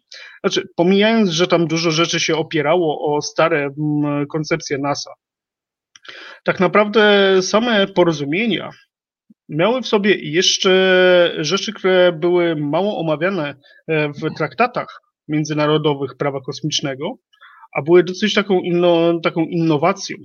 To znaczy, po pierwsze, jak traktować e, gruz kosmiczny, czyli wraki kosmiczne, i też jak je oddzielać od tak zwanego dziedzictwa kosmicznego. To znaczy, wyobraźmy sobie, że mm, Indie wyślą swoją kolejną sondę, która sukces, z sukcesem wyląduje, w przeciwieństwie do Chandrayara na przykład, który Mhm. niestety się roztrzaskał. Czy tak jak e, izraelski Bereshit też się roztrzaskały. Niestety jeden po drugim miały problemy, ale powiedzmy, że sukcesyjnie, czy jakikolwiek kraj, są rozmowy o tym nawet, żeby stworzyć wśród krajów afrykańskich, żeby stworzyć się na wzór Europejskiej Agencji Kosmicznej taką afrykańską agencję kosmiczną. Mhm. Wyobraźmy sobie, że te kraje pierwszy raz postawią chociażby tego robota na Księżycu i on tam zostanie. Zasady w prawie kosmicznym, przynajmniej w tej teorii prawa kosmicznego, ponieważ nie jest skodyfikowane, nie używa, znaczy już e, zużyty pojazd kosmiczny, czy w ogóle m, zepsuty, nie nadający się do użytku, co najwyżej nadający się do kanibalizacji części, będzie gruzem kosmicznym. Natomiast to, co dla nas jest gruzem kosmicznym, dla kogoś innego może być całym dziedzictwem kulturowym, tak jak Amerykanie między innymi dlatego poruszają ten temat, żeby przypadkiem ktoś nie próbował wszystkich e, pozostałości po lądownikach Apollo sobie na złom e, ten, zabrać jako złom i przerobić jakie, jako jakieś, e, nie wiem, jakieś materiały zapasowe. Albo na Ponadto pamiątki. Jakkolwiek. Właśnie no, tak, no, ja nieraz mówiłem właśnie organizacji, którą prowadzi Michel Halon Slawicki, to jest właśnie no, polskiego pochodzenia, ale niestety spotkałem ją i ona powiedziała, że po polsku to zbytnio nie mówi, bo to jednak da, dalsza rodzina wyemigrowała z, Pol to dalsza rodzina wyemigrowała z Polski. W każdym razie ona stworzyła tą organizację For All Moonkind, żeby właśnie chronić to dziedzictwo tych różnych lądowników, które tam zostają, żeby no, przynajmniej te pierwsze lądowniki naukowe, te, które były tym takim landmarkiem, nie były nie były traktowane jako złom. Ponieważ między mhm. innymi w e, tych porozumieniach artemickich mamy takie mm, podejście, że te części zamienne tych, e, znaczy, że mają być coś jak standardyzacja tych wszystkich obiektów. To znaczy, mają być e, tak robione, żebyśmy mogli te same złączki do tych sam, do różnych obiektów montować, żeby można było używać części, znaczy niektórych ich części, czy jako zamienne, zapasowe, tankować, naprawiać i tak dalej, i tak dalej, ale to też ze sobą, ze sobą niesie to, że im będzie lepsza ta technologia robotyczna i lepsze technologie, właśnie te między innymi OSAM, czyli On-Orbit Servicing, Assembly and Manufacturing, czyli właśnie obsługa, na, obsługa naprawa, składanie, budowanie i produkcja, w to też wchodzi recykling. Więc jeżeli będziemy mieli recykling w kosmosie, to też chodzi o to, co możemy recyklować, a co nie. Jeszcze to nie jest prawniczo dogadane. Aha. No, ale właśnie i tutaj też wchodzi kolejny numer. No bo za co, co jest najbardziej kontrowersyjnym elementem właśnie tych porozumień artemickich? To nie jest to, że oni mogą sobie recyklować te e, obiekty kosmiczne, czy porozumiewać się co do tego, jak przekazywać dane, czy w ogóle jak wytyczać strefy bezpieczeństwa, żeby jakiś lądownik nie lądował za blisko drugiego, żeby nie wzbijał pyłów i nie siekał drugiego mm, właśnie regolitem i kamieniami. Nie, to są surowce kosmiczne. To jest to, że państwa się dogadują właśnie co do tego, jak, my, jak miałoby być właśnie to poszukiwanie i wydobycie, przetwarzanie i wytwarzanie, z, z, no dokładnie utylizacja surowców, to, że to jest w ogóle wytwarzanie czy paliw, czy wytwarzanie podstawowych elementów, czy wytwarzanie jakichś schronów dla robotów, czy dla ludzi z tymi surowcami. I to jest właśnie e, ten taki kontrowersyjny mm, problem, ponieważ no, na ONZ regularnie się toczy, toczą o to batalie od niech ja już to powiem, z 1980 roku dokładnie toczą się batalie o to i przez to niestety prawo kosmiczne nie może iść zbytnio do przodu i tak zostaje na takich mniejszych traktatach, ponieważ Aha. ostatnie, największe to było to porozumienie księżycowe, które Amerykanie ostatecznie odrzucili. Znaczy, odrzucili już na swoim, w swoim senacie. Wcześniej to chcieli pod, podpisać, ale powiedzmy, że kończył się Jimmy Carter, zaczynał się Ronald Reagan w tym momencie. Mhm.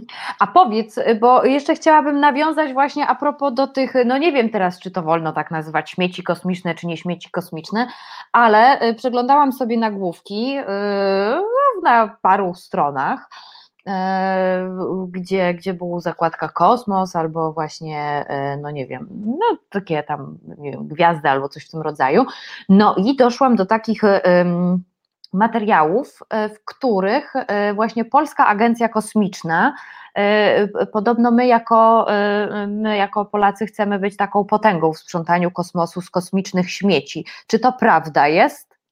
E, tak, ambicje mamy i pewne technologie są opracowywane, tylko że oczywiście się to wszystko rozbija o negocjacje z innymi podmiotami, które są integratorami, ponieważ my jesteśmy głównie e, dostawcą technologii, o ile nie w niektórych przypadkach jakiegoś konkretnego systemu, ale najczęściej to jest technologii, czyli podzespołu do konkretnego systemu i know-how. E, no i oczywiście też budżetu, bo, bo jakby to powiedzieć, e, możemy wymyślać sobie niesamowite projekty, które byśmy zrobili, ale jeżeli nikt nam nie da na to pieniędzy w systemie kapitalistycznym, ani nikt nam nie, tam nawet w jakimś innym systemie gospodarczym, nikt nam nie powie, dobrze, no to damy wam tyle stali, tyle tytanu, tyle takich rzeczy i tyle roboczo godzin ludzi, żeby się to wykonali, no to niestety zostaje to, nie, to tylko na papierze. Więc e, nie, jest duża szansa, że będziemy e, częścią większych e, misji, natomiast no, u nas w Polsce jest ciągle problem z tym, że nawet nie mamy prostej ustawy o działalności przestrzeni kosmicznej i Krajowym Rejestrze Obiektów Kosmicznych, co trochę nam podcina pewne skrzy, podcina skrzydła w wielu aspektach. Nie mówiąc o tym, że jeżeli już będziemy mieli takie obiekty kosmiczne, to ostatnia wersja ustawy, jaka była, a była ona 4 lat, nie, nie 4, 2 do 3 lat temu, jakoś tak, ale tak powiedzmy 2 lata temu, zanim rozbito je o Polsce, tak. Mhm. To w tym momencie mieliśmy pewien duży problem, to znaczy nie było tam nawet poruszonego tematu ataku hakerskiego i cyberbezpieczeństwa obiektu kosmicznego. Coś, co w prawie amerykańskim już funkcjonuje, coś, o czym się regularnie rozmawia na konferencjach kosmicznych. No bo zobacz, e, mamy taki prze, mamy, niedokładnie pamiętam już e, karnych przepisów, bo niestety nie jestem karnistą z, z wykształcenia, Natomiast pamiętam, że nawet jak sprawdzałem, złamanie zabezpieczeń teleinformatycznych, właśnie złamanie systemu informatycznego jest zupełnie innym przepisem, co mm, atak, znaczy co przejęcie kontroli nad obiektem, e, znaczy nad pojazdem morskim, czy powietrznym, czy lądowym, lub też dronem. A to też atak a, hakerski. Tak, ale jakby to powiedzieć, e, czym się to tak naprawdę różni od ataku na obiekt kosmiczny? Teoretycznie niczym, bo każdy z nich możemy przejąć e, do dowolnych pirackich celów. To jest bezprawne przejęcie pojazdu, jest piractwem, tak naprawdę. E, więc jakby to powiedzieć, no pirat drogowy to jest taki trochę nadwyraz, ale na przykład e, ten, który jednak tak jak to był chyba kapitan, ten z Tomem Hanksem, film właśnie o w Somalii, co się ten, na ten e, frachtowiec napadli, no to też tam chodziło właśnie o bezprawne przejęcie właśnie i, mhm. przymu, i przymus. Tutaj dzisiaj mamy teleinformatykę i do dzisiaj mi się zdarza pisać gdzieś po różnych grupach e, właśnie, czy to lobbyingowych, czy innych, żeby wreszcie ta, ten zupdate'ować, że tak to powiem, no, znowelizować nasze prawo, przepraszam za sformułowanie takie młodzieżowe, znowelizować prawo, żeby jednak trochę jednak do tych zmian cywilizacyjnych i technologicznych bardziej przystawało, ponieważ e, już powoli no, mamy ustawę o elektromobilności, to niedługo będą jednak, e, będzie więcej autonomicznych samochodów, na razie są elektryki a jest mhm. tam autonomia. Dokładnie to są chyba samokierujące się pojazdy. Okej, okay.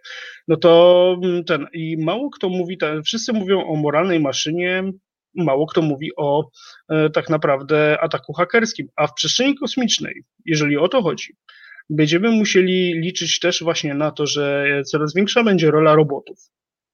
Więc e, no, głównie dlatego, że zrobiły, zrobiły się coraz tańsze i coraz lepsze a z innej strony no, ludzie potrzebują ze sobą e, mieć przynajmniej taki mm, taką, no może nie faksymilę, ale bardziej taką symulakrę swojego otoczenia.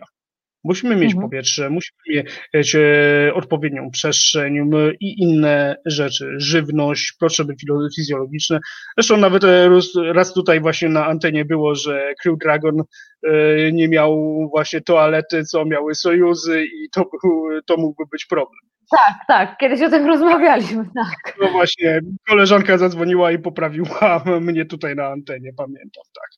W każdym razie tu musimy też pamiętać, że w kosmosie będziemy, jest więcej, człowiek jest zdany na samego siebie i na to, co, w co go włożono. Jeżeli mhm. włożono go w nieprzemyślaną puszkę, no to on może nawet nie wrócić. Nie mówiąc o tym, że może wrócić e, posiekany właśnie promieniowaniem kosmicznym i z nieodwracalnymi póki co zmianami. Mówię póki co, ponieważ medycyna się też e, zmienia, tylko że jakby to powiedzieć, też medycyna cierpi na to samo, co astronautyka, to znaczy e, to jest E, problem z finansowaniem oraz problem z tym, kto dostaje jakie finanse, ponieważ jeżeli coś tworzy przedsiębiorstwo, które patrzy głównie na zyski i na akcjonariuszy, to będzie inaczej patrzeć na swój produkt, co widzimy na przykład po niektórych przedsiębiorstwach lotniczych, które no, wydają tak trochę niedokończone, znaczy niedokończone, nie do końca w pełni sprawne samoloty, które wymagają regularnych napraw i remontów, ponieważ komuś ktoś stwierdził, że tak będzie taniej i będą z tego mieli większe zyski, tylko nie patrzyli trochę co tam dalej, no bo się, jakby to powiedzieć, w korpo panuje Fifty Shades of Excel. A powiedz mi, y, pewnie powinnam to wiedzieć, ale, ale nie wiem tego, czy na przykład, y, bo y, a propos tego prawa polskiego i unormowaniu pewnych kwestii związanych z kosmosem, jednak eksploracją, to czy my mamy na przykład jakąś komisję sejmową do spraw kosmosu? Jest, jest komisja sejmowa. Były kiedyś nawet dwie w e, Sejmie poprzedniej kadencji, tylko że druga się rozwiązała, ją zakładał Cookies, tylko że się okazało, że ona się dublowała z tą pierwszą komisją do spraw wykorzystania przestrzeni kosmicznej. Ona głównie się zajmuje jednak wykorzystaniem danych satelitarnych dla celów administracji publicznej, czyli między innymi klęski żywiołowe, rolnictwo i tym podobne, co jest, no powiedzmy, no nie jest takie tak, przyjemne. Jest bardzo atrakcyjne. To jest właśnie, to jest ta właśnie też kwestia ta właśnie e, przemysłu kosmicznego, którą często trzeba niestety ludziom przypominać, że co innego jest to, że my patrzymy na ten upstream, czyli to wypuszczanie rzeczy w przestrzeń kosmiczną i że e, na przykład Chińczycy i Brytyjczycy planują, znaczy planują, Chińczycy bardziej planują, Brytyjczycy dopuścili jednak e, do siebie to, że to jest przyszłość, czyli elektrownie orbitalne to znaczy zbierające energię słoneczną i przesyłające ją w postaci mikrofal na Ziemię. To jest bardzo stary pomysł, na to patenty. Były wydawane w 1968 roku, to był e, ten e, Peter, e, Peter miał na to patent, a potem jeszcze w 70, 77 do 81 to były badania wspólne NASY i Departamentu Energii, czy to by się opłacało i się okazało, że owszem, to by się opłacało, tylko że e, ile trzeba na to najpierw wyłożyć e, pieniędzy, to się okazało, że żaden kongres by tego nie przepuścił, bo Amerykanie musieliby ostro zacisnąć pasa, żeby w latach tak między 80. a 90. przejść w większości na elektryczne, mm, elektryczną energetykę i odrzucić ropę. I ja cię tutaj nie oszukuję. To są takie stare koncepcje, już były. Tylko, że niestety ktoś stwierdził, że, jemu, że to się nie do końca opłaca, albo że mamy ważniejsze rzeczy do zrobienia, albo że da się to zrobić inaczej. No i tak do dzisiaj nie mamy tych e, wielkich elektrowni orbitalnych. Oczywiście zmienia się też technologia, no, ta technologia naziemnych e, tych e, fotowoltaików. Powstają też koncepcje specjalnie dla kosmosu, czyli tak zwane ciemne fotowoltaiki, które by w ogóle były zasilane energią podczerwoną. Właśnie znaczy widmem podczerwonym, które zupełnie jest ten. Oczywiście wiadomo, że to nie będzie jakieś duży, duże napięcie z tego, ale zawsze jest to forma pozyskiwania energii ze środowiska, a tam, gdzie jesteśmy poza liniami przemysłowymi, jesteśmy zdani na to, co za przeproszeniem wygryziemy sobie z gleby księżycowej lub e, hmm. wyciągniemy ze słońca. Więc to są właśnie te, ta pomysłowość musi być e, ten. No. Dobra, Więc... słuchaj, a propos, a propos gleby księżycowej, bo tutaj zanim jeszcze zaczęliśmy rozmowę, to już się pytania posypały do ciebie. E, bo tutaj kosmos kosmosem, a prawo prawem. E, tutaj Kosmaty Wilk, ja pewnie nie będę umiała dobrze przeczytać tych, e, tych pytań, bo nie wiem za bardzo jak czytać te nazwy tych obiektów obiektów sąd i, i, programów, ale Kosmaty Wilk pytał, no dawno temu, pół godziny temu, czy prawo kosmiczne normuje dostęp bądź wymianę wiedzy pozyskanej przez państwa, na przykład przez próbki asteroidy Ryugu, E, albo na przykład próbki e, księżyca tej e, chińskiej sondy Chang'e 5, tak? Dobrze mówię? Tak, Chang'e 5. To jest tak, na... Albo mm, pozyskane dane z satelity e, o, dane z satelity to jest zupełnie trochę inny temat, ponieważ e, normalnie to traktatowe prawo kosmiczne deklaruje, że państwa muszą współpracować, że państwa, a, powinien, że wiedza powinna być dla ludzkości i część agencji kosmicznych tak to bierze, że to, co oni e, zdobędą, właśnie tą wiedzę, z, właśnie z pieniędzy podatnika, to ma potem iść publicznie. I mhm. podobnie jest w, w porozumieniu, ono się dokładnie to się, to nie jest na mocy traktatu, ale to jest e, właśnie o teledetekcji z lat 70., tam było podzielone na trzy różne rzeczy. Znaczy dane satelitarne w sensie obserwacji Ziemi, to znaczy tak zwane raw data, nie podlegały właśnie ani ochronie prawno-autorskiej i były swobodne do wykorzystania. Natomiast e, ten e, dane, które były przetworzone już przez człowieka, czyli narzucone były filtry i inne e, rzeczy, to już podlegały i ochronie prawno-autorskiej oraz mogły być komercjalizowane oraz interpretacje danych. Więc e, jakby to powiedzieć, najwięcej to normuje jednak umowa międzypaństwowa na temat e, wykorzystania tych e, danych jak, na jakiej zasadzie, bo ponieważ są, też są tam i kontrahenci, różne instytuty chcą mieć na przykład pierwszeństwo do wykorzystania pewnych rzeczy, szczególnie jeżeli tam jest przy tym wynalazek się dokonał. Nie mówię o odkryciu, bo odkrycie jest zupełnie inne. Odkrycia nie podlegają żadnym właśnie ani E, prawu autorskiemu, ani prawu patentowemu. Natomiast e, w kwestii właśnie e, wynalazków to jest pewne zastrzeżenie wtedy może być. Natomiast samo traktatowe prawo międzynarodowe kosmiczne raczej sugeruje, że państwa powinny się dzielić. Nie, nie narzuca mechanizmu, ale sugeruje, że państwa powinny się dzielić tymi danymi właśnie z tych z eksploracji przestrzeni kosmicznej. I podobnie w umowach artemickich też miało być o mechanizmach dzielenia się danymi, które są pozyskane z badania, między innymi podłoża, czy właśnie fizyki i mm, księżyca.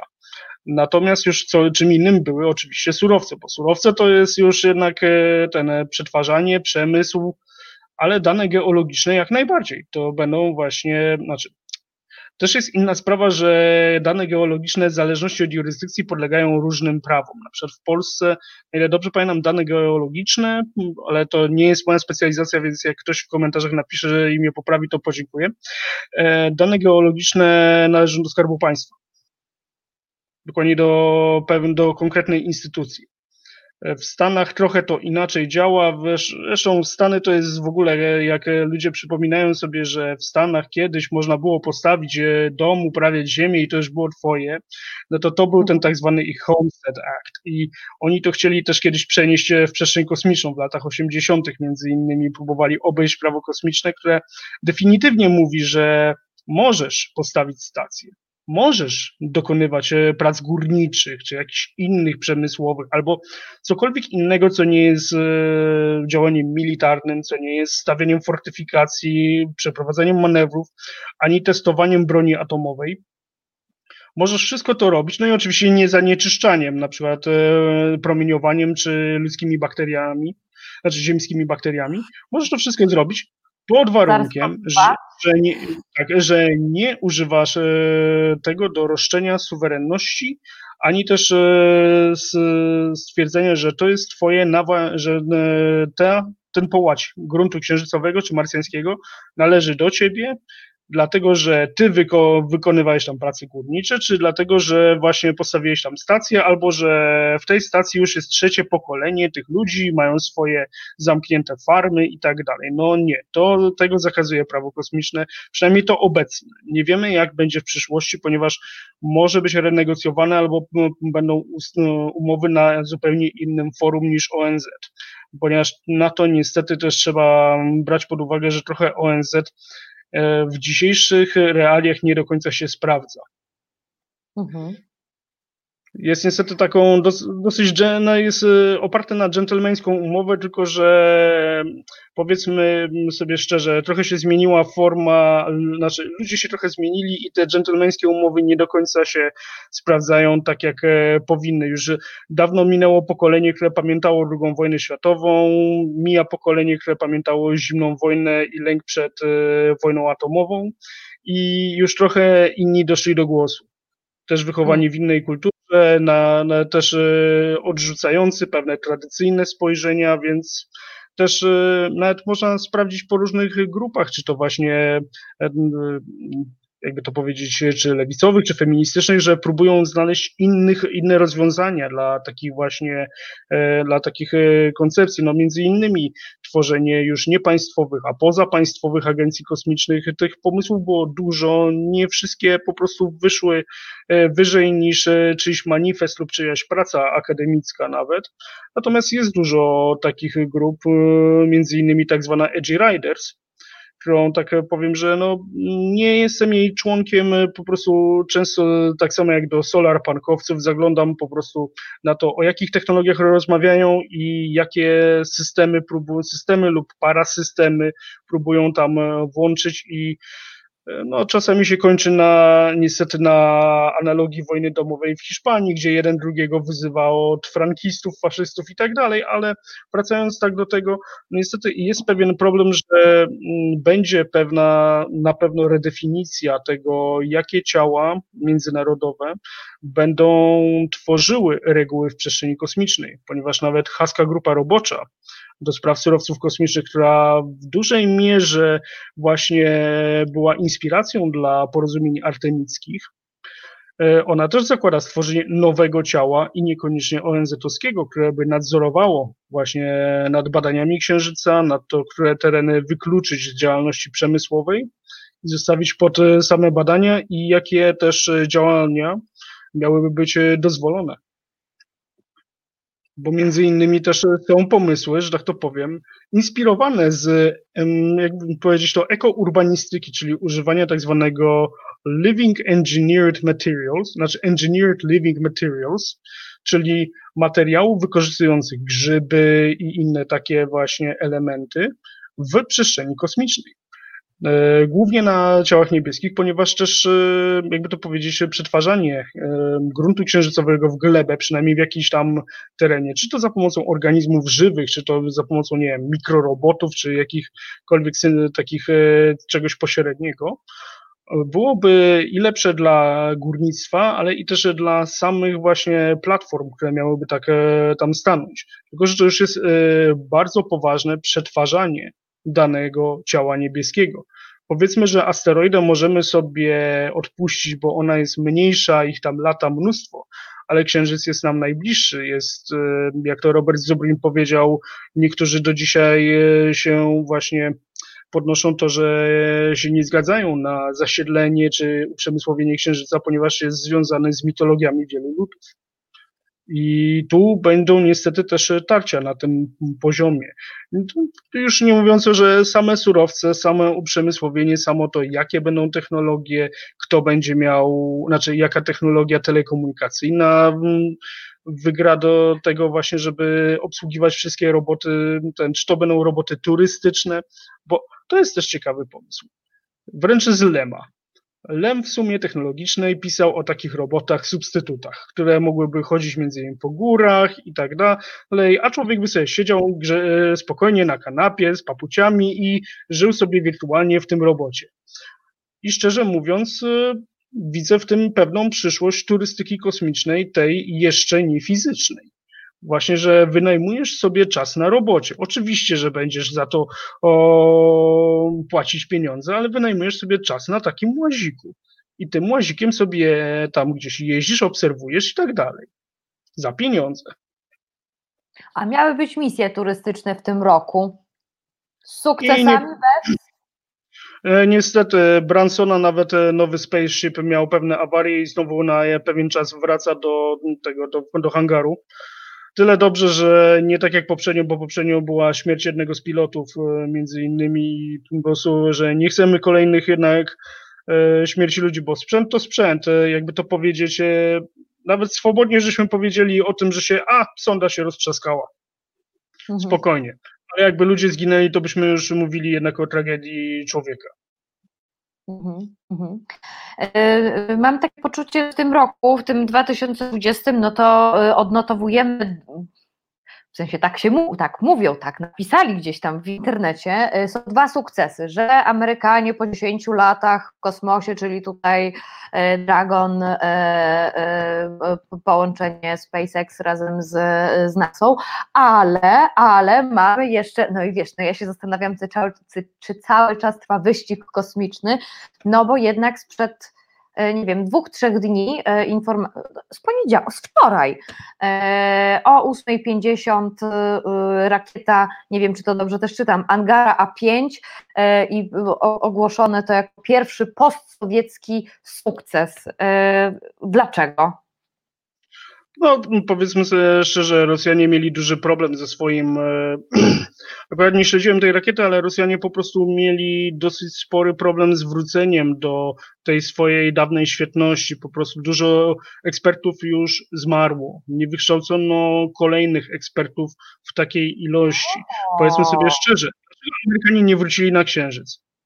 No bo jeżeli mm, ci ludzie, podwykonawcy i naukowcy zostali wyrzuceni do cywila, że tak to mogę powiedzieć, albo jeździli taksówkami, coś co niestety się na ONZ kiedyś dowiedziałem od jednego amerykańskiego reprezentanta, który opowiadał mi, że ludzie, którzy pracowali przy Apollo, potem jeździli na taksówkach, albo jak to się już nieżyjący w, w tym roku zmarł Ben Boba, który też był profesorem i on, więc on dużo pisał fantastyki, ale też pracował przy sektorze kosmicznym.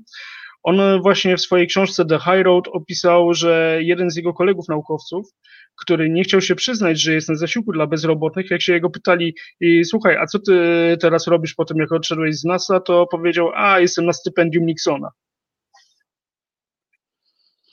Hmm. Więc no właśnie, bo nie chciał się przyznać, że no niestety ten, że albo jeździli taksówkami, albo coś, cokolwiek, coś, co o, zupełnie byli do czego innego wyćwiczeni, a mm, sektor po prostu o, mm, był cięcie budżetowe i tyle. A i dlatego Amerykanie nie mogli tak długo wrócić, ponieważ też dużo tego know-how przepadło.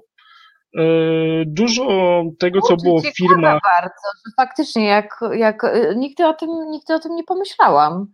Niestety, jak nie ma pewnej ciągłości przekazywania sobie danych, dokumentów, to potem wiele rzeczy niknie. Mhm. Coś, no co tak. na przykład też y, czasami jest dowcipem, znaczy dowcipem lub wręcz real, e, czasami realiami w środowisku informatyków, że jeden po drugim robi program i to potem są pewne zgrzyty, ponieważ on nie wie, jak ten poprzedni robił, ponieważ nawet nie miał z nim kontaktu. Mhm. Mhm.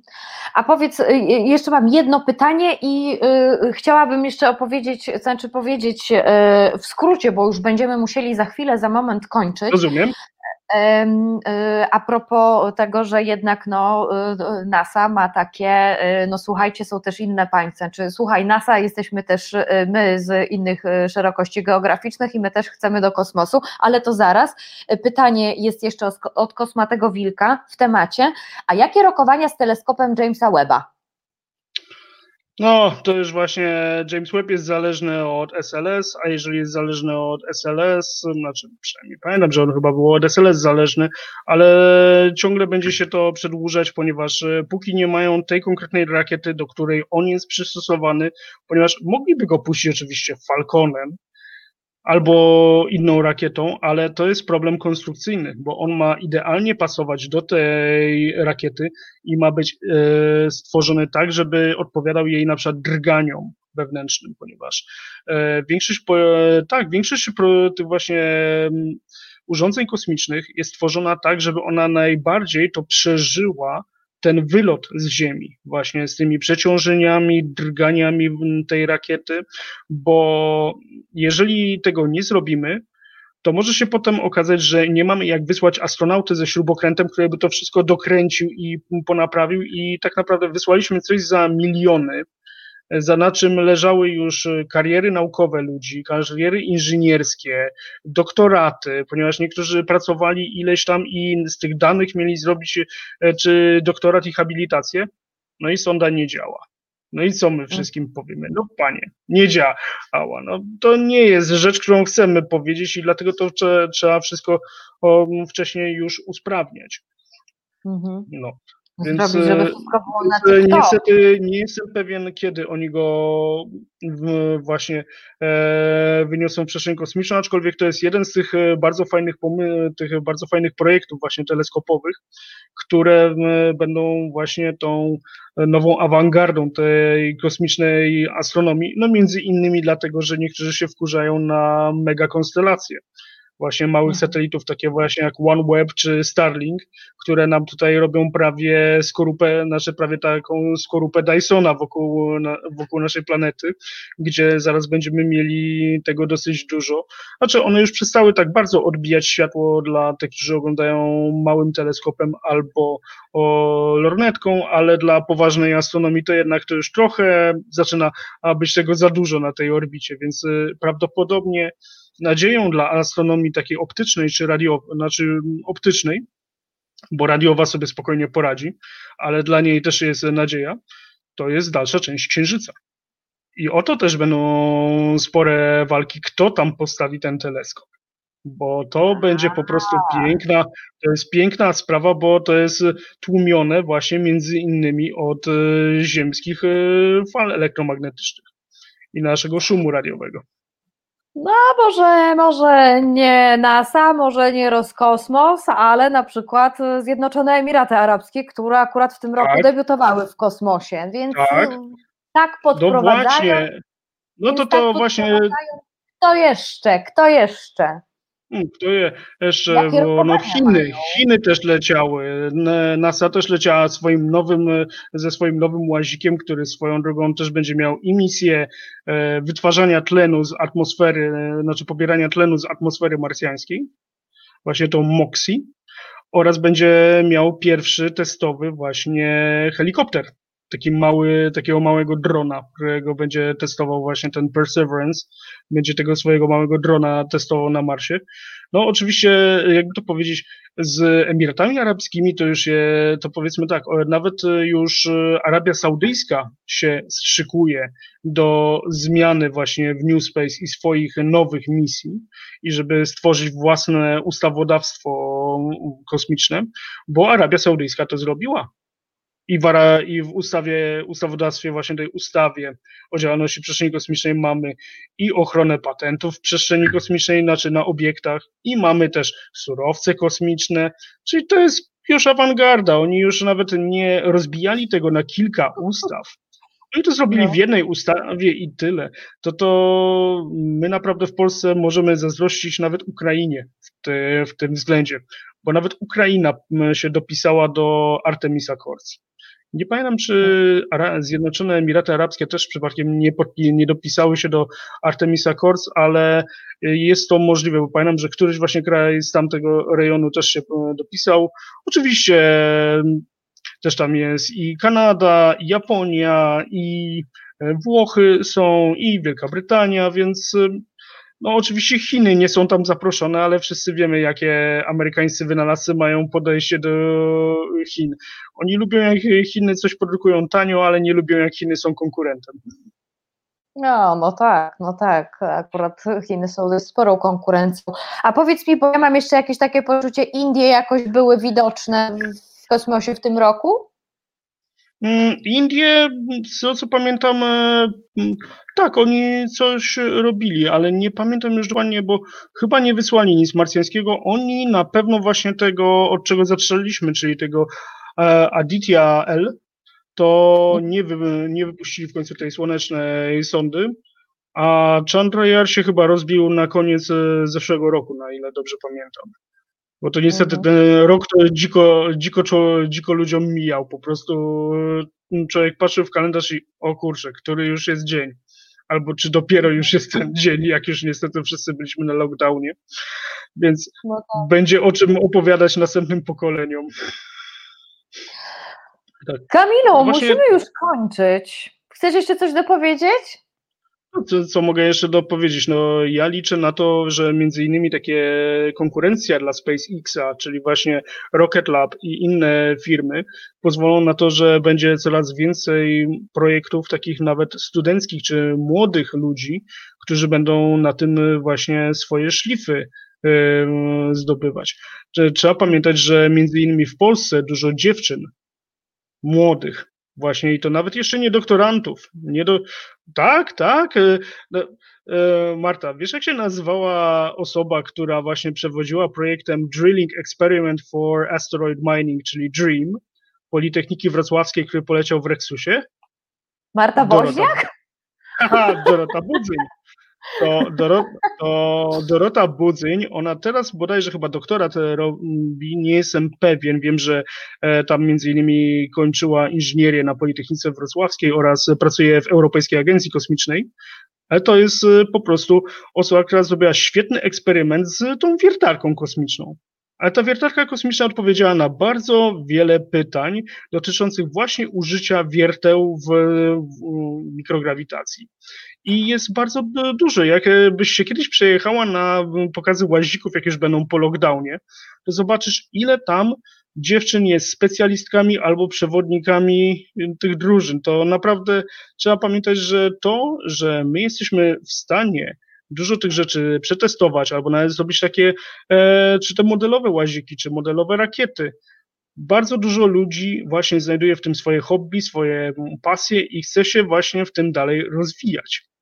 To słuchaj, jak będą kiedyś takie pokazy łazików, to bierz mnie pod pachę i oglądamy. Dobra, dobra. w takim wypadku. Bardzo Ci dziękuję za to nasze spotkanie w takim wypadku. Myślę, że dla Państwa również było to bardzo interesujące. E, jakiekolwiek pytania, propozycje tematów kosmicznych, m.wozniak.małpareset o, nie, reset, resetobywatelski.pl. O, dziękuję Krzysztof. m.wozniak.małparesetobywatelski.pl Moim Państwa gościem Kamil Muzyka, specjalista prawa kosmicznego, doktorant w Instytucie Nauk Prawnych Polskiej Akademii Nauk, który o kosmosie wie wszystko według mnie. Albo może mi się tak tylko wydawać, po prostu. Nie, ciągle się uczę, każdy się ciągle uczy. Każdy się ciągle uczy. No to Kamilu, życzę Ci, żeby przyszły rok przyniósł y, wiele ciekawych rzeczy, y, jeżeli chodzi o y, Twoją specjalność. Dziękuję Ci bardzo. Mm, liczę naprawdę na dużo, dużo zmian i to, że będzie wpływ dwustronny. No. no tak, no tak.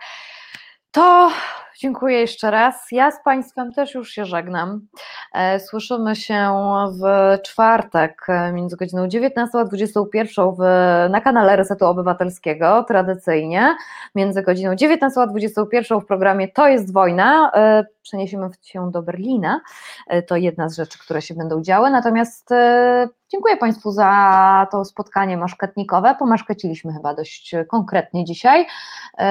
Nie zostawiam Państwa z pustymi uszami i oczami, bo już za chwilę na kanale Resetu Obywatelskiego Konrad Szołajski ze swoim programem na wspak. Dziękuję bardzo. Do usłyszenia. Trzymajcie się ciepło. No i, no i papa. Buziaczki, cukiereczki. To był program Resetu Obywatelskiego. Subskrybuj nasz kanał na YouTube, obserwuj na Facebooku i Twitterze.